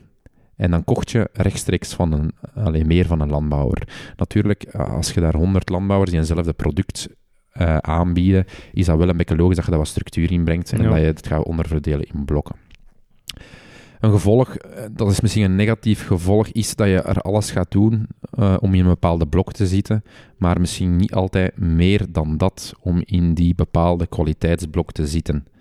Dus eh, dat is een, een, een mogelijk nadelig eh, gevolg daarvan. Ja, de, de, de laagste... Ja, eigenlijk juist de, de grens, de drempel bereiken, maar dan ook niet proberen te excelleren in die blok, omdat het toch als één blok wordt beschouwd. Dat kan een mogelijk gevolg Ja. zijn, ja, ja. klopt. Maar oké, dat hangt dan af van het aantal blokken dat je hebt. Ehm, Er zijn veel mensen die dat afstappen van het veilingssysteem. Ehm, hoe werken zij het aan bol? Want Vandaag Het de is- dag, wij werken ook niet. Allee, wij doen onze commercialisatie ook niet via de veiling. Eh, natuurlijk moet je dan wel je plan trekken. Hè. Eh, de veiling is op dat, op dat vlak een, misschien een veiligere haven, waarbij je zegt van, ik geef mijn product aan u en jij moet maar zien dat je het verkocht krijgt. Het is gemakkelijk om dan achteraf commentaar te geven, ja, maar ik heb er de goede prijs niet voor gekregen. Mhm. Als je het zelf in handen neemt, moet je het ook wel zelf gaan doen. En dat wil zeggen dat je al het product dat je gaat, eh, gaat produceren, dat je dat zelf moet proberen eh, te gaan vermarkten. En dat is op- absoluut geen gemakkelijke, geen gemakkelijke optie, maar het is wel een mogelijkheid. Het is mensen die zeggen van, ja... ehm, ja, maar ja, de veiling is de enigste manier om ons groenten aan de man te brengen. Dat is absoluut niet waar. Hè. Je mocht op zich doen wat je wilt eh, als landbouwer om je product te gaan commercialiseren. Maar één op één onderhandelen is natuurlijk... Allee, kan ik mij inbeelden, als je met een koolruid of eender welk groot warenhuis moet gaan onderhandelen, als individuele boer... Dat is niet gemakkelijk natuurlijk, Nee. zeker omdat die bepaalde volumes afneemt dat jij als enige toch niet kunt eh, produceren. Ja, Dat is niet gemakkelijk en dat is ook niet... Ja, je staat er vaak in een, in een, eh, in een niet zo sterke positie. Nee, dat is ook een van de redenen waarbij boeren zich gaan verzamelen Mhm. om met meer... Ja, maar ik vind dat eigenlijk een beetje een, een foute... Dat is om meer, meer macht te kunnen gaan onderhandelen. Maar ik moet eigenlijk eerlijk zeggen, eh, de bedrijven worden groter en groter. Er zijn heel veel bedrijven die rechtstreeks met de retailers gaan onderhandelen. En Mhm. die rechtstreeks bepaalde afspraken maken met retailers. En retailers hebben er ook alle baat bij om samen met telers samen te werken en eh, samen op lange termijn een, eh, een goede verhouding te hebben. Dus je ziet wel meer en meer dat de retailer rechtstreeks met telers eh, afspraken maakt. Oké. Ja, maar dan moet je al een zekere, toch wel grootte hebben om dat te kunnen. Allee, ik neem aan, zo, hè, wat vroeger dan het geval was, een boer met x aantal hectare grond, met verschillende gewassen, et cetera, waarschijnlijk meer het klassieke, allee, dus ik spreek dan van Ja, ja. 100 of 50 jaar geleden, dat dan je onderhandelingsmarge of je onderhandelingsmacht...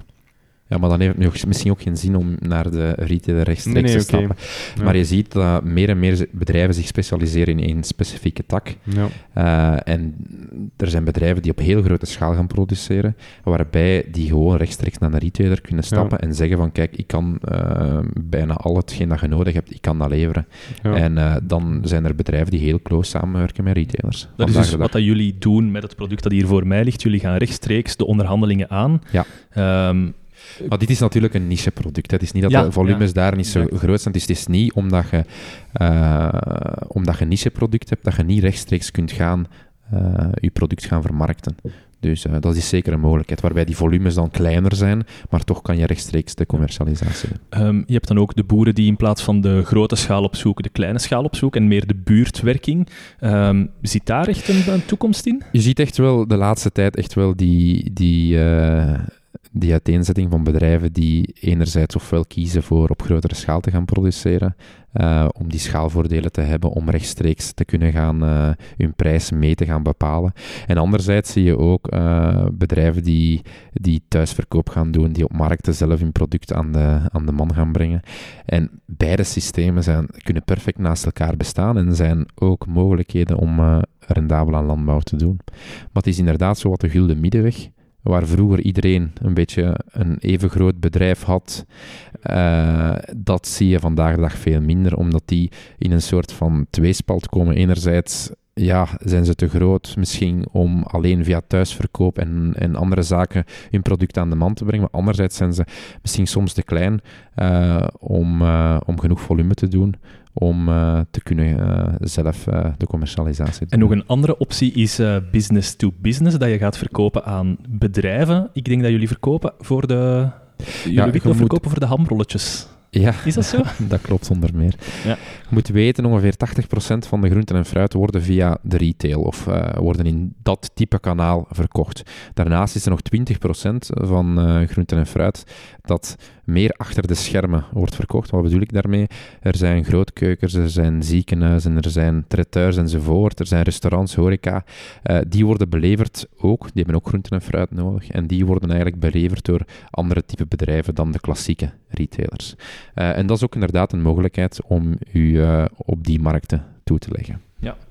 En je zei net, een van de redenen eh, waarom dat we met, een, ja, met die pieken en die dalen zitten, is omdat we met een vers product zitten. Je kan ook uit de versmarkt stappen eh, in het algemeen. Hè. Je kan werken met conserven of diepvries. Ehm, Absoluut, en België is daar een enorm exporterend land in. Dus er wordt vaak gezegd dat België de Silicon Valley is van de diepvriesgroenten. Maar dat, Silicon ja, maar dat is eigenlijk werkelijk zo. Eh, Nog in, nooit van gehoord. ja, in West-Vlaanderen zijn er een, aantal zeer grote Mhm. eh, bedrijven die eh, de groenten die daar worden geteeld gaan diepvriezen en gaan exporteren over de rest van de wereld. Dus daar zijn we heel sterk in. En je hebt heel veel boeren die, eh, die een groot deel van hun producten voor de diepvriesindustrie gaan telen. Daar ook zijn, eh, zit je daar ook met onderhandelingen, met ook, eh, met, en dat gaat heel vaak over heel scherpe prijzen.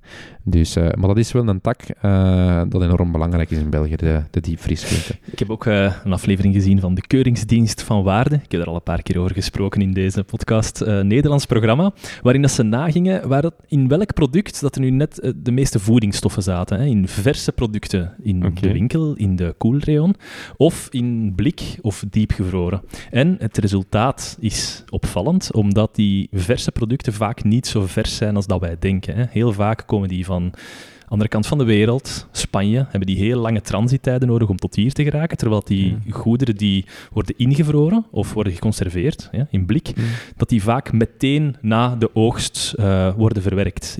Kunt je dat Dat klopt, ja, dat klopt inderdaad. Alles hangt ervan af natuurlijk in welke omstandigheden je product eh, bewaard zijn, eh, hoe lang dat het geleden is dat ze geoogst zijn. Je kan perfect vandaag naar een retailer stappen en daar een product kopen dat gisteren geoogst is. Dat klopt inderdaad. Maar je kan ook hebben dat het bijvoorbeeld al een paar dagen geleden is dat het geoogst is. En gedurende die tijd eh, heb je een verlies aan voedingsstoffen, aan eh, smaakstoffen enzovoort. In de diepvriessector is het vaak dat het geoogst wordt en meteen wordt diepgevroren. Ehm, waardoor je alles van de verse voedingsstoffen gaat eh, fixeren en dat je die gaat vastzetten. Eh, daar is geen verlies tijdens het eh, bevroren zijn. Ja, je hebt andere, je hebt andere zaken die daar... je hebt wel een bepaalde... Je groenten gaan van structuur veranderen, omdat je ze gaat invriezen. En dat is een, een nadeel, maar puur op vlak van voedingsstoffen... zijn er inderdaad testen die zeggen dat diepgevroren groenten vaak meer vitamine enzovoort bevatten dan, eh, dan verse groenten. Die verse groenten die bevatten dat in C ook allemaal, maar doordat er een bepaalde periode overgaat en de bewaring misschien niet altijd optimaal is, zorgt ervoor dat die eh stilletjes aan verdwijnen. En dat is ook een bij de redenen met ons product. We gaan het witloof vers gaan vacuüm verpakken en nadien gaan stomen. Ja, wij oogsten en wij gaan direct verwerken. En al die voedingsstoffen, al die smaakstoffen, al die vitamine blijven in het product zitten. Dat is een groot voordeel eh, Hmm. aan die manier van werken. En heeft dat eigenlijk een mondiaal bereik, eh, witloof? Want bij ons, hè, dat is zo... Wordt dat niet 20 goud of zo ook eh, genoemd? Ja, in? België heb je Bij ons hè, is dat... Ja, bier, frieten, chocolade en witloof. Ja, voilà. En bij, bij ons is dat heel bekend.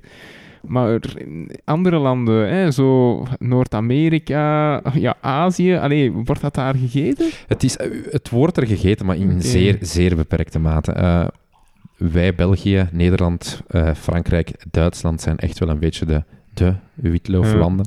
Maar vanuit België wordt er toch nog wel vrij veel geëxporteerd naar bijvoorbeeld Japan, naar bijvoorbeeld Amerika, Ja. naar bijvoorbeeld Zwitserland. Dus er, zijn, allee, er wordt wel wat geëxporteerd eh, naar die Japan, landen. jong. Heeft dat een reden? hè? Allee, dat ze dat er lekker vinden terecht, Ja, maar... ja, en dat wordt daar zelfs eh, echt als een, echt een luxe product eh, aan de mannen gebracht. Aan zeer hoge prijzen zelfs. Werkelijk. Ja, ja, ja. Je ziet dat Ja. vaak met dingen die dat uit eh, Europa komen, die dan in Japan echt voor wel echt boekerwinsten worden verkocht. Hè? Dat is, eh, ja, dat ja, is raar, hè? Maar dus Daan, als, ehm, als we het excuus gebruiken... ah, excuus is niet echt het juiste woord, hè, maar als we het argument gebruiken dat de boeren zeggen, kijk, wij, wij komen ermee rond, de klassieke methodes eh, volstaan niet meer, zou ik dan zo stout kunnen zijn om te zeggen, ja, kijk is in eigen boezem, er zijn voldoende methoden om te, te diversifiëren. Te divers, is dat diversifiëren? Eh, is- Dat is een woord. Aan, ja. aan die... Allee. Ik zou, het- ik zou het niet zo strikt durven stellen, omdat je nog altijd met bepaalde zaken zit, waar dat je, omdat je in de sector zit, waar dat je moeilijk aan kunt doen. Bijvoorbeeld, wat ik zei van die vraag en aanbod dat niet altijd in evenwicht is. Dat is nu eenmaal typisch voor de landbouwsector. Eh, dus het is niet gemakkelijk, maar ik vind inderdaad dat het taak is van de landbouwer om zoveel mogelijk aan die moeilijke punten te werken. En er is aan te werken. Het vraagt vaak wel meer inspanning. Het is veel gemakkelijker om te zeggen, ik eh, produceer een heel jaar door en ik zet dat op de, op de veiling en achteraf klaag ik dat ik mijn prijs er niet op voor gekregen. Mm. Ik zeg niet dat het altijd gemakkelijk is, maar het is ook aan de taak van ons om te zeggen van kijk, ik pak het, ja, ik pak het in eigen handen en ik ga ervoor zorgen dat ik wel een goede prijs krijg eh, voor mijn product. Hoe zijt je aan die inspiratie gekomen om uw product te maken, ehm, stomen en vacuüm verpakken? wat is dat proces daar, eh, daaraan vooraf gegaan? Want ik vermoed dat is een enorme investering, dat is een enorm risico dat je daar neemt. Ja, abso- absoluut. Maar eh, het was van noodzaak. Mijn ouders zijn ermee gestart, Ja. eh vijftiental jaar geleden. Het was puur uit noodzaak. Ik weet dat als mijn ouders dat nu vertellen, zeggen ze van... Dat is het laatste wat we gingen proberen. En als dat niet lukte, dan gingen we stoppen. Amai, serieus? Ja. Jezus. Dus die hebben eh, ja, gezocht naar manieren om hun product de- enerzijds de versheid veel te gaan bewaren. Want als je vaak witloof in de rayon ligt, ziet liggen in de retail, denk je, ja, ze zijn een beetje beschaamd als witloofboer. Dat je zegt van, we hebben hier zo'n fantastisch mooi product gekweekt, dat vertrekt bij ons van een of fantastisch mooie kwaliteit. En dan zie je het in de winkel liggen en denkt van, ja, ik zat bijna zelf niet meer Dat kan ik doen. Ik ben met een Daan al vaak op reis gegaan en dat is in Hm. elke winkel dat wij binnenstappen. spendeert je een half uur in de groenterayon om alles te gaan controleren. Niet enkel witloof, hè? Ja. alle groenten, hè? om te zien Ja, ja, die eruit ziet. absoluut. Dat is die hè, ja. Ja, je zit daarmee bezig, hè. Eh, dat is niet helemaal zo. En waar haalt je Ja. die inspiratie? Al wel, dan? mijn ouders zijn dan gaan kijken en we hebben twee eh beenhouwers in de familie. En het vacuümgaren is iets dat wel al langer bestond, onder meer bij het vlees enzovoort. En dan eh, heeft, mijn, eh, heeft mijn moeder dat geprobeerd. En eh, met, ja, met, eh, met hoogtes en laagtes is het dan uiteindelijk eh, van start gegaan. Want ze zei het eerste jaar dat wij gestart zijn, hebben wij niks verkocht. Ah ja, ja, tuurlijk. Ja. Dus dat Van uw product niks verkocht. ja, wij werkten toen nog ook voor de versmarkt. En Ja. ze zei van, kijk, ik ga proberen om een bepaald percentage van onze productie te gaan stomen en zelf Mhm. proberen te commercialiseren. Ze hebben die investering gedaan om een, eh, een kleinschalige grootkeuken te installeren. En het eerste Mhm. jaar hebben ze niks verkocht. Ah. Maar dan wel met het product naar de voedingsbeurzen gaan om ja, daarvoor we te proberen stellen. klanten te zoeken, maar dat is allemaal niet eenvoudig. Ja. En dan een beetje later ehm, hebben wij ehm, een eh, klant ehm, die direct een groter volume heeft eh, afgenomen. En zo zijn we eigenlijk gestart. En dan Amai. eh, al, ja, Dus echt op de jaren- rand van de afgrond en je hebt het risico genomen waardoor dat je nu echt voor de toekomst veilig ja, maar zit. ik, laten we zo zeggen, mijn ouders hebben dat risico genomen. Ik heb het risico Ja, nee, maar oké, genomen. ja, ja. Ja, inderdaad. En dat bestond, dus, maken. dat bestond dus nog niet vacuümverpakt witloof. Dat was echt iets waar dat uw ouders mee zijn gekomen. Ehm, dat was wel vrij uniek, ja. Het is niet dat het procedé nog niet bestond, maar ehm, wat mijn ouders ook direct hebben gedaan, is gezorgd dat er een vast aantal stuks en zo in een verpakking zat, omdat wij ons voornamelijk richten naar grootkeukens enzovoort. En daar is het Ja. wel praktisch dat dat eh, een eh, gestandaardiseerd product is. Ja. Oké. Ja, daar moet je inderdaad wel lef voor hebben. Hè, als je op de rand van de afgrond staat, om dan nog eens te zeggen, we beginnen met iets Een nieuws. zware investering te doen. Ja, Ja. die flexibiliteit. Ja. Ja. ik zou het Ah, waarschijnlijk wel, zelf ook het is daarmee dat ik het wou zeggen. Hè. De boeren kunnen ze in eigen boezem kijken. Maar ja, als je al op de rand van de afgrond staat, ik kan dan ook denken dat de motivatie Ja, weg voilà. is. eh, het geld, het is, geld Ja. is weg. Er zijn Ja. geen kredietlijnen meer bij de bank. Zeker na zo'n crisis. Daarmee dat ik zeg, het is, het is allemaal niet zo eenvoudig om nu te zeggen Mm. van eh, we lossen dat in één keer op als iedereen het zo doet. Nee, zo is het niet. Want uiteindelijk hebben wij een, eh, met ons bedrijf een niche-markt aangeboord die relatief klein is. Het is eh, wij kunnen daar onze boterham mee verdienen. Eh, maar het is en blijft een kleine markt. De hoofdmarkt is vaak nog het, het klassieke product. Eh, en het is jammer dat je daar als je goede kwaliteit levert, dat je daar je boterham ni- niet mee kunt verdienen.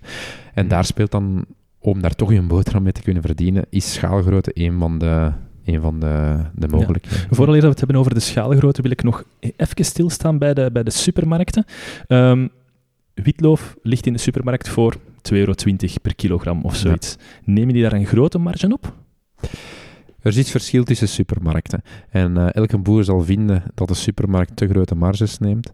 Eh, ik zelf persoonlijk vind dat supermarkten een, in, in de meeste gevallen een correcte marge nemen. En dat wil zeggen dat je moet het een beetje zo zien, als ik het verkoop aan 1 euro, zal het in de winkel tussen de 1,60 euro à 2 euro liggen, het product. Dat is ongeveer, eh, ja, en dat is afhankelijk van retailer tot retailer. valt hoeveel mee, hè? marge Ik dacht echt dat dat genomen. veel meer was. Ik dacht dat, je, ik dacht dat we spraken over 300% of zo. Ja, zo het uh, fenomeen natuurlijk- van de kledij. eh, de kledij. ja. Ja, plus, ja. Maar natuurlijk, in Mm. sommige gevallen is dat ook wel het geval. Stel, de witloofmarkt zit volledig op zijn gat, om het zo te zeggen. Zo zeggen we dat dan. De prijzen zijn rampzalig slecht. De boer krijgt er, oh godtekes, 40, 50 cent voor. Natuurlijk, als je daar dezelfde percentages gaat toepassen op die 40, 50 cent, dan krijg je in absolute waardes niet de marge die een, eh, die een eh, retailer moet hebben. Dus dan gaat het vaak zijn dat het product nog altijd voor een euro en een half in de winkel ligt. En dan is dat precies van, oh, ze krijgen drie of vier keer zoveel. Ja, op dat moment wel, maar ze hebben een bepaalde absolute waarde per verkochte eenheid, hebben ze ook wel nodig. Hm. En, en van waar, waarom vind je dan dat de, de meerprijs ehm, of de marge van 60 tot 100 procent, dat dat meevalt voor een, eh, voor een supermarkt? Hoe, hoe, hoe kwantificeert je dat? ehm? Maar iedereen moet zijn eigen, zijn eigen kost gaan, eh, gaan betalen. De retailer heeft ook zijn kost. Anderzijds, je hebt enerzijds de BTW, dat er ook Ja. nog een keer bij komt. Dat is dan 6%. dat jullie niet aanrekenen, maar de supermarkt wel. Eh, hoe zit dat ja, eh, wij verkopen zogezegd zonder BTW. Allee, we verkopen aan de supermarkt. Allee, wij verkopen BTW, maar we moeten die aan terugstorten. Ja, dus ja, eigenlijk is het Oké. zo, wij, Ja. werken wij zonder BTW. Terwijl de retailer, de prijs in de magazijnen is wel inclusief BTW. Dat is bijvoorbeeld al 6%. BTW 6 procent. Anderzijds, als je zo praat met de retailers, zitten ze rond de, de 5 à 8 procent afval op, eh, op de verkoop van groenten en fruit. Ja. Dus dat heb je eh, ook nog eens. En dan blijft er nog natuurlijk de marge nodig voor de retailer, voor zijn Ja, personeel, personeel. voor Ja, investeringen Koel- enzovoort. koelkost, hè. In heel veel winkels is de, is de koelafdeling is dat een open afdeling Ja, waarin dat ook heel veel koeling verloren gaat, denk ik dan. Ehm, Ja, klopt. Dus die retailers hebben ook hun marge nodig om te, te kunnen leven. Ja. Zijn er retailers die soms bij bepaalde producten overdrijven? In sommige gevallen gaat dat zeker het geval zijn. Maar ja, eh, vind jij dat de prijzen ehm, van de verse groenten in de winkels enorm van elkaar verschillen? Of loopt dat gelijk? je hebt wel verschillen, maar natuurlijk, er is wel een groot verschil. Ga je wrak verkopen of ga je verpakt verkopen? Ehm, ik denk maar bijvoorbeeld aan tomaten. Hoeveel verschillende soorten tomaten Ja. zijn er niet? Kleintjes, grote, in die verpakking, die verpakking. Ja, al die zaken hebben een bepaalde kost. En eh, daardoor zal het een duur lijken en het ander goedkoper. Allee, het, is, eh, het is zeer eh, afhankelijk. Maar vraagt aan een eh, consument, wilde jij 10 of 20 cent per verpakking meer betalen? En je zegt zeker dat een boer zijn een boterham verdient. Ik denk dat elke consument gaat zeggen, bah ja, Tuurlijk, 10, ja. 20 cent. Het, is dat, Het groente, kost al bijna niks. kost Ja. eh, groente kost niks, hè? Allee, ik, ik, ik, ik sta er altijd van versteld, een bloemkool, hoeveel, hoe weinig dat, dat Ja, kost. en absoluut. Ja, dat is wat. Dat is nu... ehm Je gaat daar net over schaalvergroting. Hè? Ja. Een van de oplossingen zit in de schaalvergroting. Of nee, de oplossingen. Waarom is die schaalvergroting zo noodzakelijk deze dagen? Ja, eh, je ziet gewoon met een, eh, een populatie aan landbouwers die elk jaar achteruit gaat. En je ziet aan een aantal mensen die gevoed moeten worden. Dus eh, die mensen die gevoed moeten worden, die stijgen jaar na jaar en het aantal landbouwers daalt. Dus onlosmakelijk daarmee verbonden is dat de landbouwbedrijven gewoon groter worden. Als je ziet dat op 20 jaar tijd het aantal landbouwbedrijven gehalveerd is, ja, het kan niet anders dat er schaalvergroting is om eh, hetzelfde aantal producten te maken. En dat is iets dat vaak het, wij ook het verwijt krijgen van ja, de gele wordt zo groot en het is allemaal zo groot. Kan dat niet zoals vroeger? Ja, dat kan zoals vroeger, maar wij hebben nu ook bepaalde kosten. Wij zijn bezig met eh, milieumaatregelen, we zijn bezig met zonne-energie, we zijn bezig met waterrecuperatie. Dat zijn allemaal zaken die een bepaalde kost hebben en die onder meer door eh, wat groter te zijn kunnen gedragen worden. Maar ik zeg niet dat iedereen elke landbouwer moet gaan voor schaalgrootte, absoluut niet. Het zal eerder een, een soort van keuze zijn, ofwel ga ik eh, voor schaalgrootte, ofwel ga ik mij specialiseren in een bepaalde niche, of ga ik mijn commercialisatie op een andere manier doen, waardoor die grootte niet hoeft. Eh, je moet gewoon, ieder bedrijf moet eigenlijk gewoon zijn eigen weg zoeken. En dan merk je gewoon dat waar vroeger veel meer zelfde type bedrijven waren, vaak gemengde bedrijven tussen met eh, dieren en met eh, bepaalde eh, gewassen, zie je nu veel meer specialisatie en ook veel groter verschil tussen relatief grote bedrijven en eerder eh, kleinere bedrijven. Ja, je zegt het al, hè, het aantal af- eh, landbouwers neemt af. De gemiddelde leeftijd zit nu op 54 jaar. Hoe verzekert je dan de instroom van nieuwe landbouwers? Ja, dat is eh, problematisch. Hè. Ehm, Ik dacht dat hier met een positief antwoord ging komen. Ja, want zijn er eigenlijk mensen die zonder een Zelden. stamboom te hebben Ja, ja. erin stappen? Zelden, zelden. Ja. En het is ook gewoon omdat de investering vaak zo hoog is, is het zeer moeilijk om gewoon al. uit het niets eh, te starten. Je hebt nu wel van die projecten van die, eh, van die eh, mensen die één hectare grond kopen, die dan bijvoorbeeld daar groenten en patatten enzovoort gaan optelen. Die werken met soort van abonnementen. Met mensen, ja. waarbij Ja. dat je zegt van, kijk, betaal mij jaarlijks 250 Ja, euro. juist. En ik zorg ervoor dat je jaar rond product hebt. Dus dat is Mhm. een kleinschalige manier om zonder hele grote investering toch van start te gaan. Natuurlijk, in kapitaalintensievere eh, takken is het veel moeilijker om zonder eh, basis eh, van grond te gaan. Maar het is een feit dat de instroom van jonge landbouwers ehm, moeilijk is. Ik zeg niet dat dat echt problematisch is. Op zich, ehm, we merken dat de jonge landbouwers die nu starten vaak een betere opleiding hebben genoten dan eh, vroeger. Dus de, de mensen die eh, er kiezen voor in te stappen, eh, weten vaak beter waarmee ze gaan beginnen. Ja, Ze doen dat bewust. ze zijn, ja, absoluut. Eh, een bewuste keuze van oké, ik ga hier eh, mijn bedrijf op een moderne manier gaan leiden. Ik ga ervoor zorgen dat ik eh, een inkomen heb. Ik ga daarmee bezig zijn. Eh, Dus dat is wel een positieve evolutie. En dus de uitstroom is dan ook beperkt van degenen die beginnen. Het is niet zo zoals bij leerkrachten, dat men na drie jaar gedesillusioneerd zegt, nee, dit, dit doen we niet. Er zijn wel wat mensen die stoppen met de landbouw, absoluut. Maar ook Maar vaak de nieuwe beginners. Oh, dat zal minder zijn. Maar één bij de, bij de zaken dat we in ons achterhoofd moeten houden als landbouwer, je moet ook durven stoppen. Hè. Er zijn Hmm. veel mensen die niet durven stoppen. En als het niet gaat economisch, stop dan alstublieft. Ja. Als ik binnen vijf jaar mijn boterham niet meer verdien, ja, dan stop ik. Hè. Eh, maar je merkt wel, de mensen die nog starten, eh, vaak weten die wel waarmee ze bezig zijn. En ik denk dat de toekomst van de landbouw in Vlaanderen echt wel positief kan gezien worden. Er zijn veel jonge starters die echt wel weten waarmee ze bezig zijn en die een achtergrond hebben waar ze niet alleen bezig zijn met het kweken van fantastisch kwaliteitsvolle producten, maar ook de economische zaken er rond mee in beschouwing nemen. De mindset moet zijn, ik neem niet het bedrijf over van mijn ouders, maar ik neem een visie aan die ik wil vooruitzetten met dit bedrijf. Ik ga niet gewoon voortdoen, maar ik ga echt een idee hebben wat ik hiermee ga ontwikkelen met dat bedrijf. Ja. ja. Ehm, nu, je hebt het al een paar keer gezegd, het is kapitaalintensief. Hè? Een aantal redenen daarvoor zijn, ehm, je moet rekening houden met groene stroom, je moet rekening houden met afvalwater, recuperatie. Er zijn heel veel, allee, je merkt dat ook als je een huis bouwt, om aan de standaard te voldoen, moet je al heel veel geld uitgeven. Hè. Je dak moet volledig geïsoleerd worden volgens de normen. Dat is nu hetzelfde dan waarschijnlijk bij de boeren. Maar er is ook een probleem met grondcapaciteit. Hè. Ehm, Dat is inderdaad een probleem. Hè. Eh, cijfers zijn er dat ongeveer 46% van het Vlaamse grondgebied is landbouwgebied. Dat is veel, hè? Ja. Dat is veel, maar het is niet allemaal dat voor landbouw gebruikt Ja, wordt. Ongeveer een vijftiental procent wordt niet gebruikt voor landbouwdoeleinden. En daar zit Dat is toch ook wel- veel. Ja. Dat is ook veel. Ja. En daar zit toch wel een groot, een groot probleem. En ehm, ja, het is wat, wat de mensen de verpaarding van Vlaanderen noemen. Eh, de verpaarding van Vlaanderen.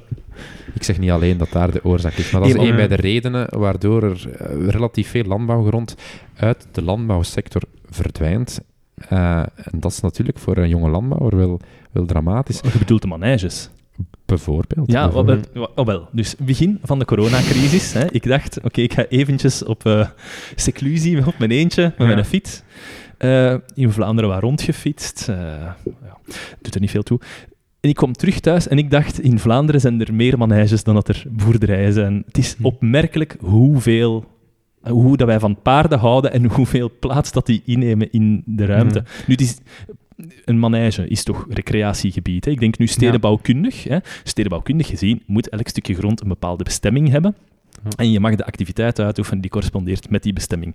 Nu, recreatiegebied is niet per se landbouw. Ik vermoed dat die op landbouwgebied liggen, maar dat is recreatie. Maar Mhm. jij had daarnet gezegd, als een manege ook paarden fokt, dan is het Ja. wel agrarische eh, activiteit. Ja, ik neem aan dat dat de, de hoofdactiviteit in theorie toch Ja. wel moet zijn. Ja, hè? ja, ja. Dat men dus inderdaad ehm, als, als subsidiaire activiteit wel die manege mag eh, uitoefenen. Ja.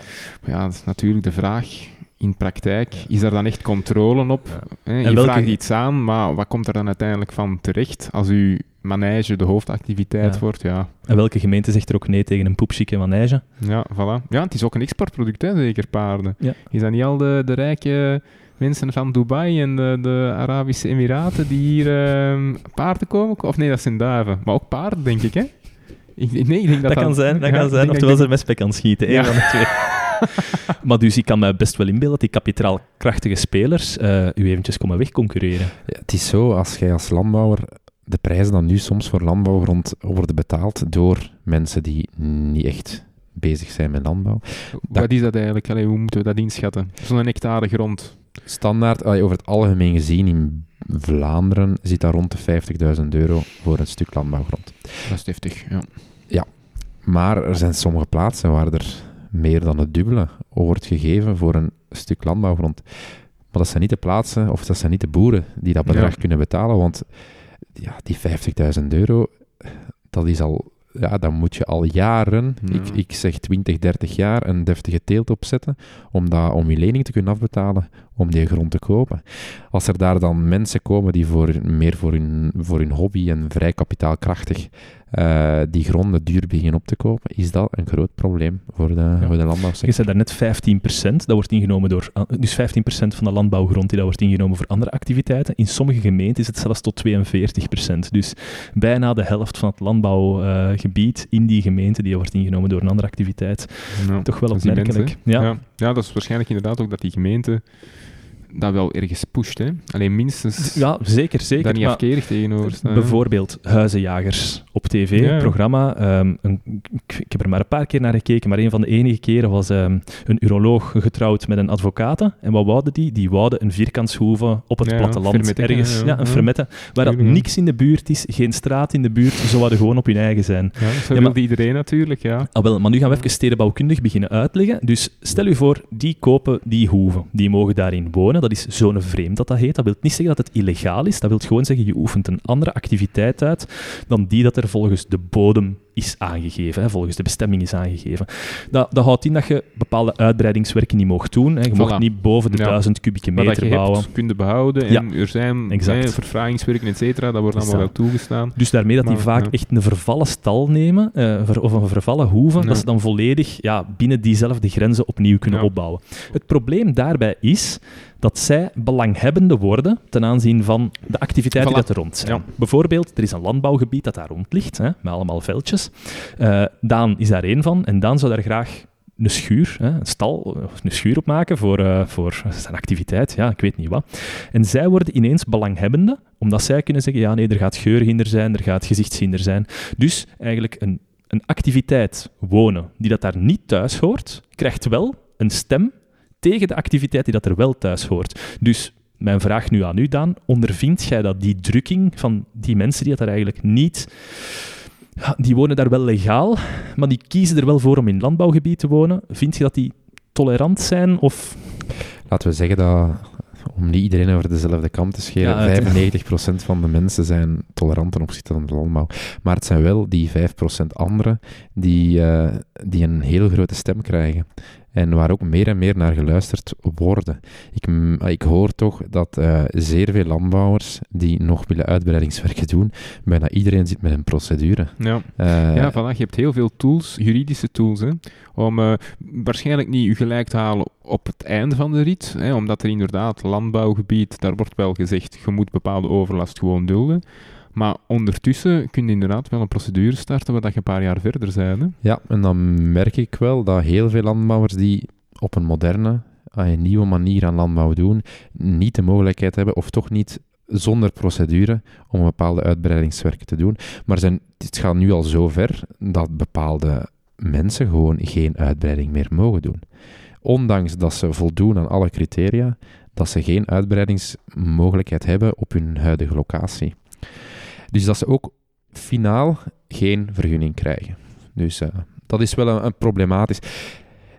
En dan moeten we wel een keer kijken naar, ja, er zijn altijd steeds minder, minder landbouwbedrijven. Die oude landbouwhoeves worden dan verkocht. Die gaan uit de landbouw. Ja, in C is dat niet de bedoeling. duur verkocht, waardoor dat de landbouwers dat niet kunnen kopen. Want dat zijn vaak kapitaalkrachtige Ja, particulieren die dat kopen voor hun Maar woning. het is jammer dat die zones die wel stallen enzovoort, die voor landbouw gediend hebben, die verdwijnen uit de landbouw, maar de nieuwe landbouwers hebben dan heel veel moeite om op hun huidige locatie nog een extra gebouw bij te zetten. Ja. En daar moet wel naar gekeken worden. Ja, tuurlijk. Dat is ook het, het, het ultieme probleem van verdichting. Hè. Of, ehm, elke keer dat er een landbouwgrond wordt aangesneden voor een andere activiteit, gaat die nooit meer terug naar de landbouwstatus. Dat is Nee, verloren ja. voor altijd. Tenzij dat er een revolutionair nieuw stedenbouwkundig bewind komt, want ik vermoed dat niet gaat gebeuren. Nee.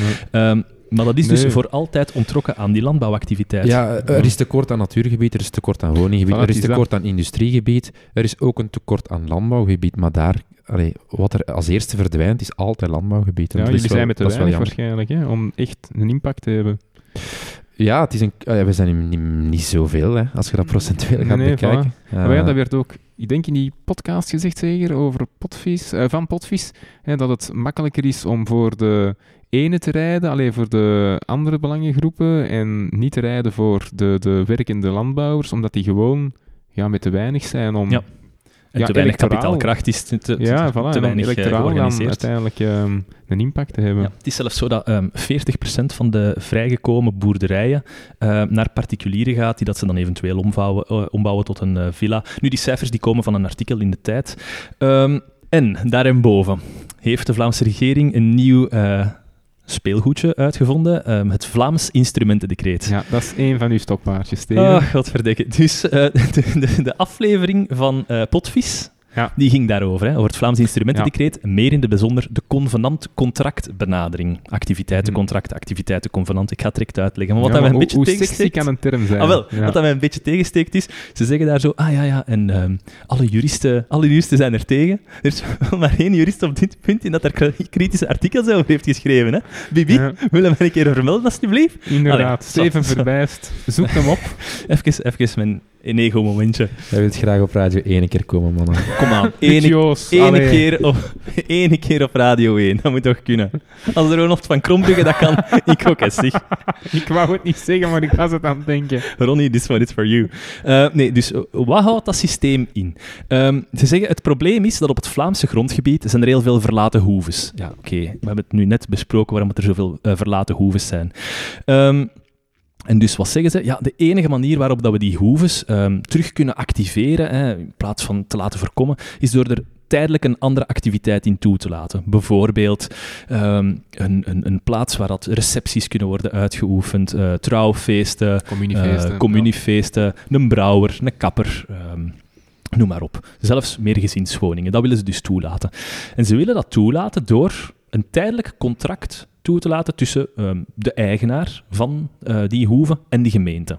Ehm, daarvoor moet er eerst een convenant gesloten worden tussen de gemeente en het Vlaams gewest. Maar swat, eigenlijk is het contractueel afwijken van de bestemming. Normaal gezien Mhm. moet je daarvoor een vergunning vragen, maar nu is het bij contract. En van bepaalde duur, maximaal 10 jaar. Maar dat wil dus zeggen dat als een boer eh, ergens zit ehm, en naast hem er een weiland staat met een verlaten hoeven in, dat, dat daar iemand in kan komen die voor tien jaar een andere activiteit kan uitoefenen, dus die slechts een belang heeft op die periode voor tien jaar, want het wordt niet automatisch verlengd, maar dat hij dan wel ineens een vol recht krijgt om op te treden tegen de activiteiten die dat die boer daar uitoefent. Hè. We hadden het daarnet al gezegd, ja, dat probleem stelt zich wanneer dat je een huis koopt in agrarisch gebied, dan heb je een stem over wat er rond u gebeurt. Maar nu gebeurt dat dus ook bij de mensen die dat maar kunnen huren, eh, een overeenkomst hebben voor tien jaar.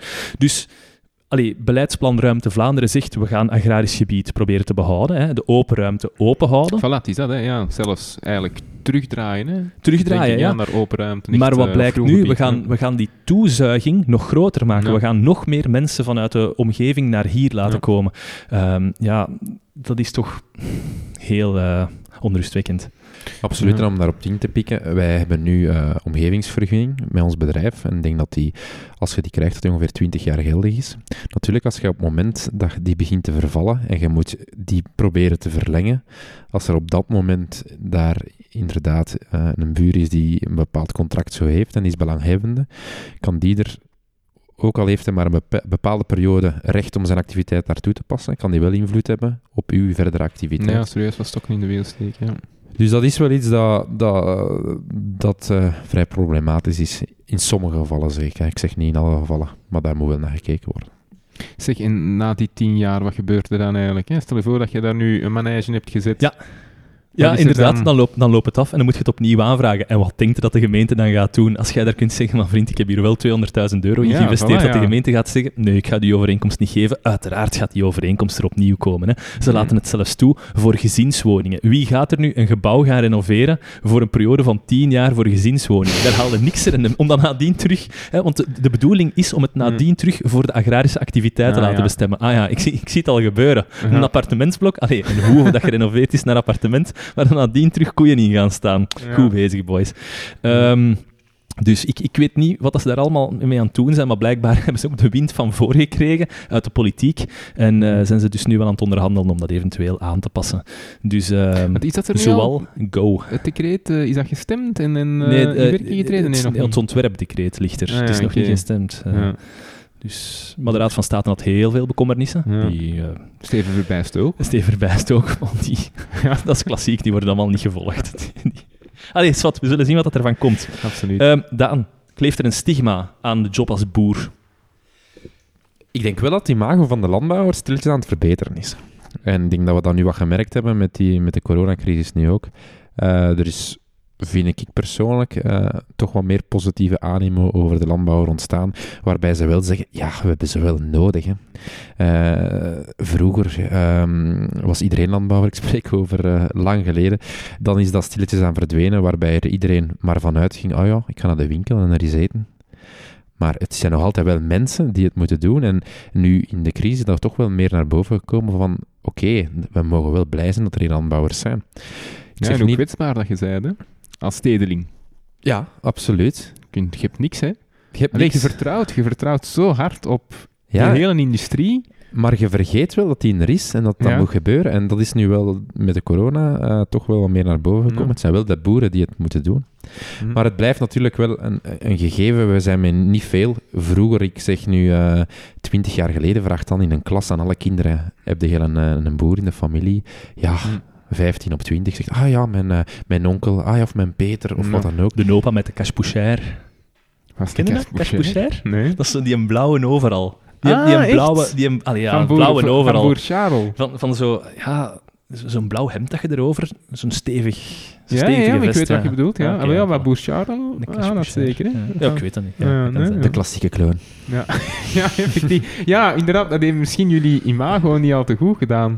Ja, want allee, hoe dat er vandaag de dag aan landbouw wordt gedaan, is echt wel op een moderne, eh, professionele manier. Ja, ja, als ik u hoor praten, inderdaad ook. Eh, Allee, waarbij wij denkt daar wel echt over na. Ja. Ja, waarbij wij met van alles rekening houden. En het is de taak nu... eh, ja, ik zie inderdaad boer Charles, ja, dat, Ja. dat is het, hè. dat is de gedachte. Ja, we zitten nu dus naar eh, foto's van boer Charles te zien. Ja. Maar dat is de gedachte dat sommige mensen nog bij de landbouw hebben, maar dat is Ja. vandaag dag totaal niet meer Ja. het geval. En eh, het is onze taak als landbouwer om daarmee bezig te zijn. Eh, Dat is ook iets wat Boerenbond enorm aan het promoten is. Je hebt nu de Boerentrots-campagne, waarbij eh, bijvoorbeeld bekende Vlamingen op bezoek gaan bij landbouwers om te kijken van hoe gaat het hier nu aan toe. Je hebt, Landbouwers worden uitgenodigd op de podcast. Ja. ja, maar dat zijn zaken die, die, die belangrijk zijn. Ja, om ja, mensen tuurlijk. te gaan informeren. Want vaak zorgt de onwetendheid voor onbegrip. En het is belangrijk om eh, mensen kennis te eh, te laten maken met de landbouw. eh, weten waarmee we bezig zijn. Weten ook dat wij vandaag de dag op een enorm moderne manier onze bedrijfsvoering doen. En dan zal er meteen, meteen meer begrip zijn voor ook andere zaken. Ja, waaronder de overgang van een lineair naar een circulair landbouwmodel. Ik zie dat hier staan op onze tekst. Ja, ehm, wat, we daar eh, moeten over zeggen is inderdaad, wij zijn heel lang, eh, de bedoeling is geweest om heel efficiënt zoveel mogelijk producten te gaan kweken. Waarbij wij van alle eh, grondstoffen gaan in een bepaalde keten steken om dan een zo goed mogelijk eindproduct en zoveel mogelijk eindproduct te gaan hebben. Dat model staat onder druk. We moeten meer naar een circulair model gaan, waarbij we bepaalde zaken hebben dat we in de keten steken. En wat eruit halen, ook de reststromen, moeten we gaan zien dat we gaan, eh, gaan vermarkten of zorgen dat die als grondstof kunnen dienen in eh, andere ketens enzovoort. En dat is wel waar de landbouw vandaag de dag zeker mee bezig is, waar ook heel veel onderzoek naar is, naar mogelijke reststromen. Wat kunnen we met reststromen doen? Kunnen we die als eh, voeding gebruiken voor dieren of kunnen we die als voeding gebruiken voor mensen of wat dan ook? Dus dat is waar we zeker mee bezig zijn. En, maar dat is redelijk kapitaalintensief, vermoed ik. Ik zeg niet dat alle innovaties kapitaalintensief moeten zijn. Soms is het kapitaalintensief, Ja. eh, maar soms ook niet. Maar innovatie is een bij de pijlers waar landbouw vandaag de dag enorm op inzet. Ja. Omdat we, dat ook een bij de manieren is om je te gaan diversifiëren en een bepaald inkomen uit je activiteit te gaan halen. Klimaatneutraliteit, ehm, staat, bezorgt dat voor een druk op jullie activiteiten? Ja, en er is vaak een, eh, een soort van onbegrip bij de mensen, waarbij de landbouw heel hard wordt aanzien als een van de oorzaken van, eh, van de opwarming van de, de aarde. Maar de mensen moeten goed weten dat de landbouw als eerste de gevolgen van die opwarming van de aarde eh, voelt. De droogte, de plotse hevige neerslagen, de hittegolven. Ja, die hebben een directe impact op onze bedrijfsvoering.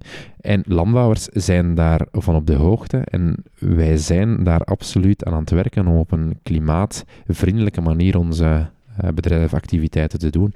Wij zijn bijvoorbeeld bij ons bedrijf, we hebben een enorm grote hoeveelheid zonnepanelen die ons voor groen, van groene stroom eh, voorzien. We hebben warmterecuperatie, waarbij wij de warmte die vrijkomt voor eh frio's te gaan koelen, gaan gebruiken. Ehm, in ons geval dan als eh, start voor eh, stoom te creëren, voor ons groente te gaan stomen. Of die warmte kan gebruikt worden om eh, gebouwen te gaan verwarmen. Wij zitten op watervlak. Al het regenwater dat wij opvangen wordt gebruikt in onze witloofkweek. Het restwater wordt ook hergebruikt waar nodig. Dus we zijn met al die zaken bezig en er zijn heel veel landbouwers vandaag de dag die daarmee bezig zijn.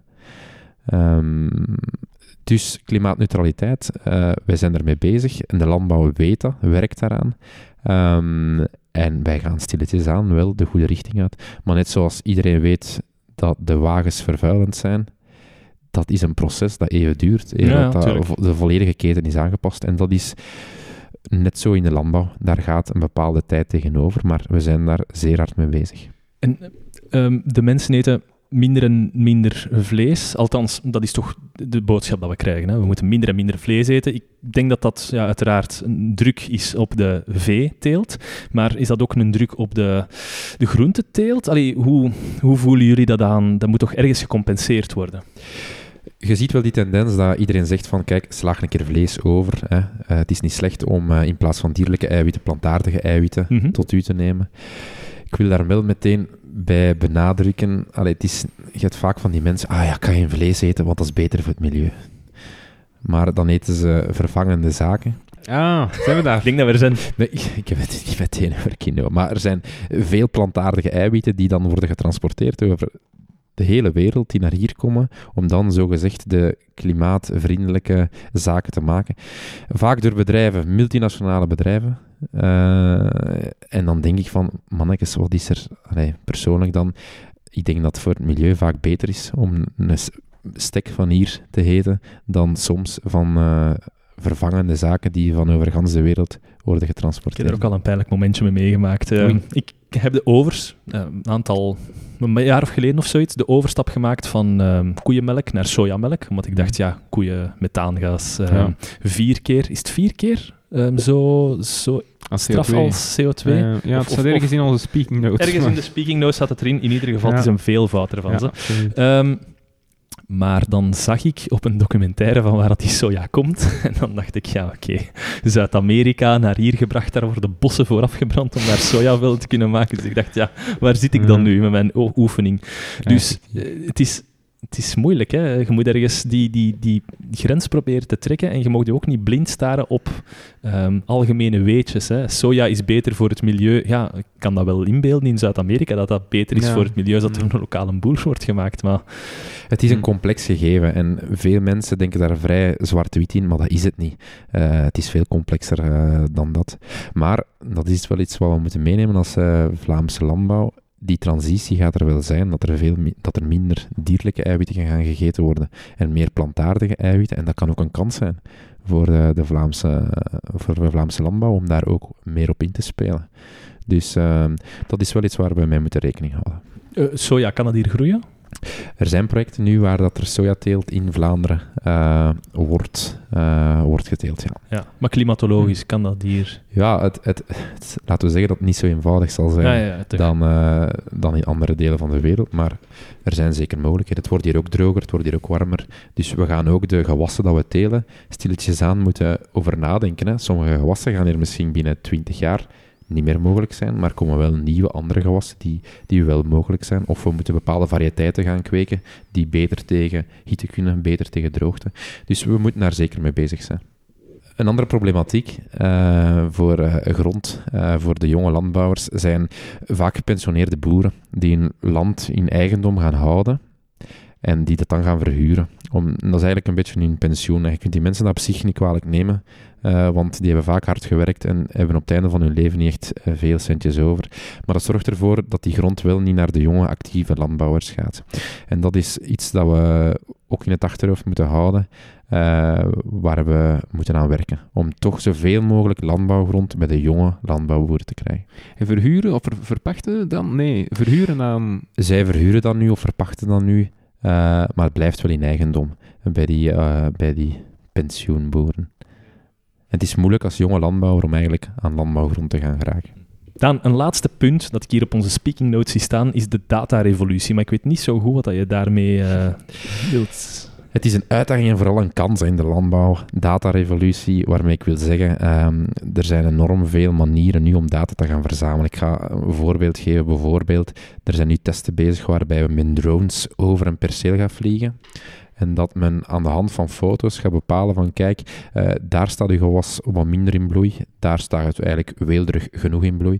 Daar heb je, daar heb je meer onkruiddruk, daar niet. En met die data gaat men dan bijvoorbeeld ehm, bemestingstoestellen gaan aansturen, die op de exacte plaats waar het moet gegeven worden, extra voeding gaat geven, en op andere plaatsen waar het eigenlijk niet nodig is, het niet gaat doen. Hetzelfde met gewasbeschermingsmiddelen. Nu wordt die over het algemeen over het volledige land gebruikt, maar daar zijn ook toepassingen toe dat men die enkel gaat gebruiken op de plaatsen waar het hoeft. En dat zorgt ervoor dat we stap voor stap eh, naar een, eh, een eh, ecologisch beter, eh, beter systeem Ja, minder, eh, minder ingrediënten, ah, sorry, eh, minder producten nodig om je gewas te doen laten groeien. Ja. Minder ja, absoluut. En ook economisch gezien. Hè. Gewasbeschermingsmiddelen kosten veel geld. Extra voeding geven aan je perceel kost geld. Als je dat allemaal op de juiste manier kunt doen, zorgt dat ervoor dat je kosten kunt laten dalen en dat je toch een, eenzelfde resultaat hebt. Een ander voordeel van die data is echt puur, wat ik hier juist al aangehaald heb, proberen de aanbodzijde en de vraagzijde zoveel mogelijk eh, op elkaar af te stemmen. Als je die data doorheen de keten gaat gebruiken en gaat delen, zorgt ervoor dat een boer veel beter weet wanneer moet ik zien dat er veel product is en wanneer moet ik eigenlijk zien dat ik niet zoveel produceer, waardoor de prijsvorming over het algemeen ook beter kan. Dus dat is ook een mogelijkheid voor, voor ja, de data te gaan, eh, te gaan gebruiken. Het zijn allemaal zaken waar we mee bezig zijn en eh, die ervoor zorgen dat wij eh, op lange termijn hier een rendabele landbouw in Vlaanderen kunnen blijven toepassen.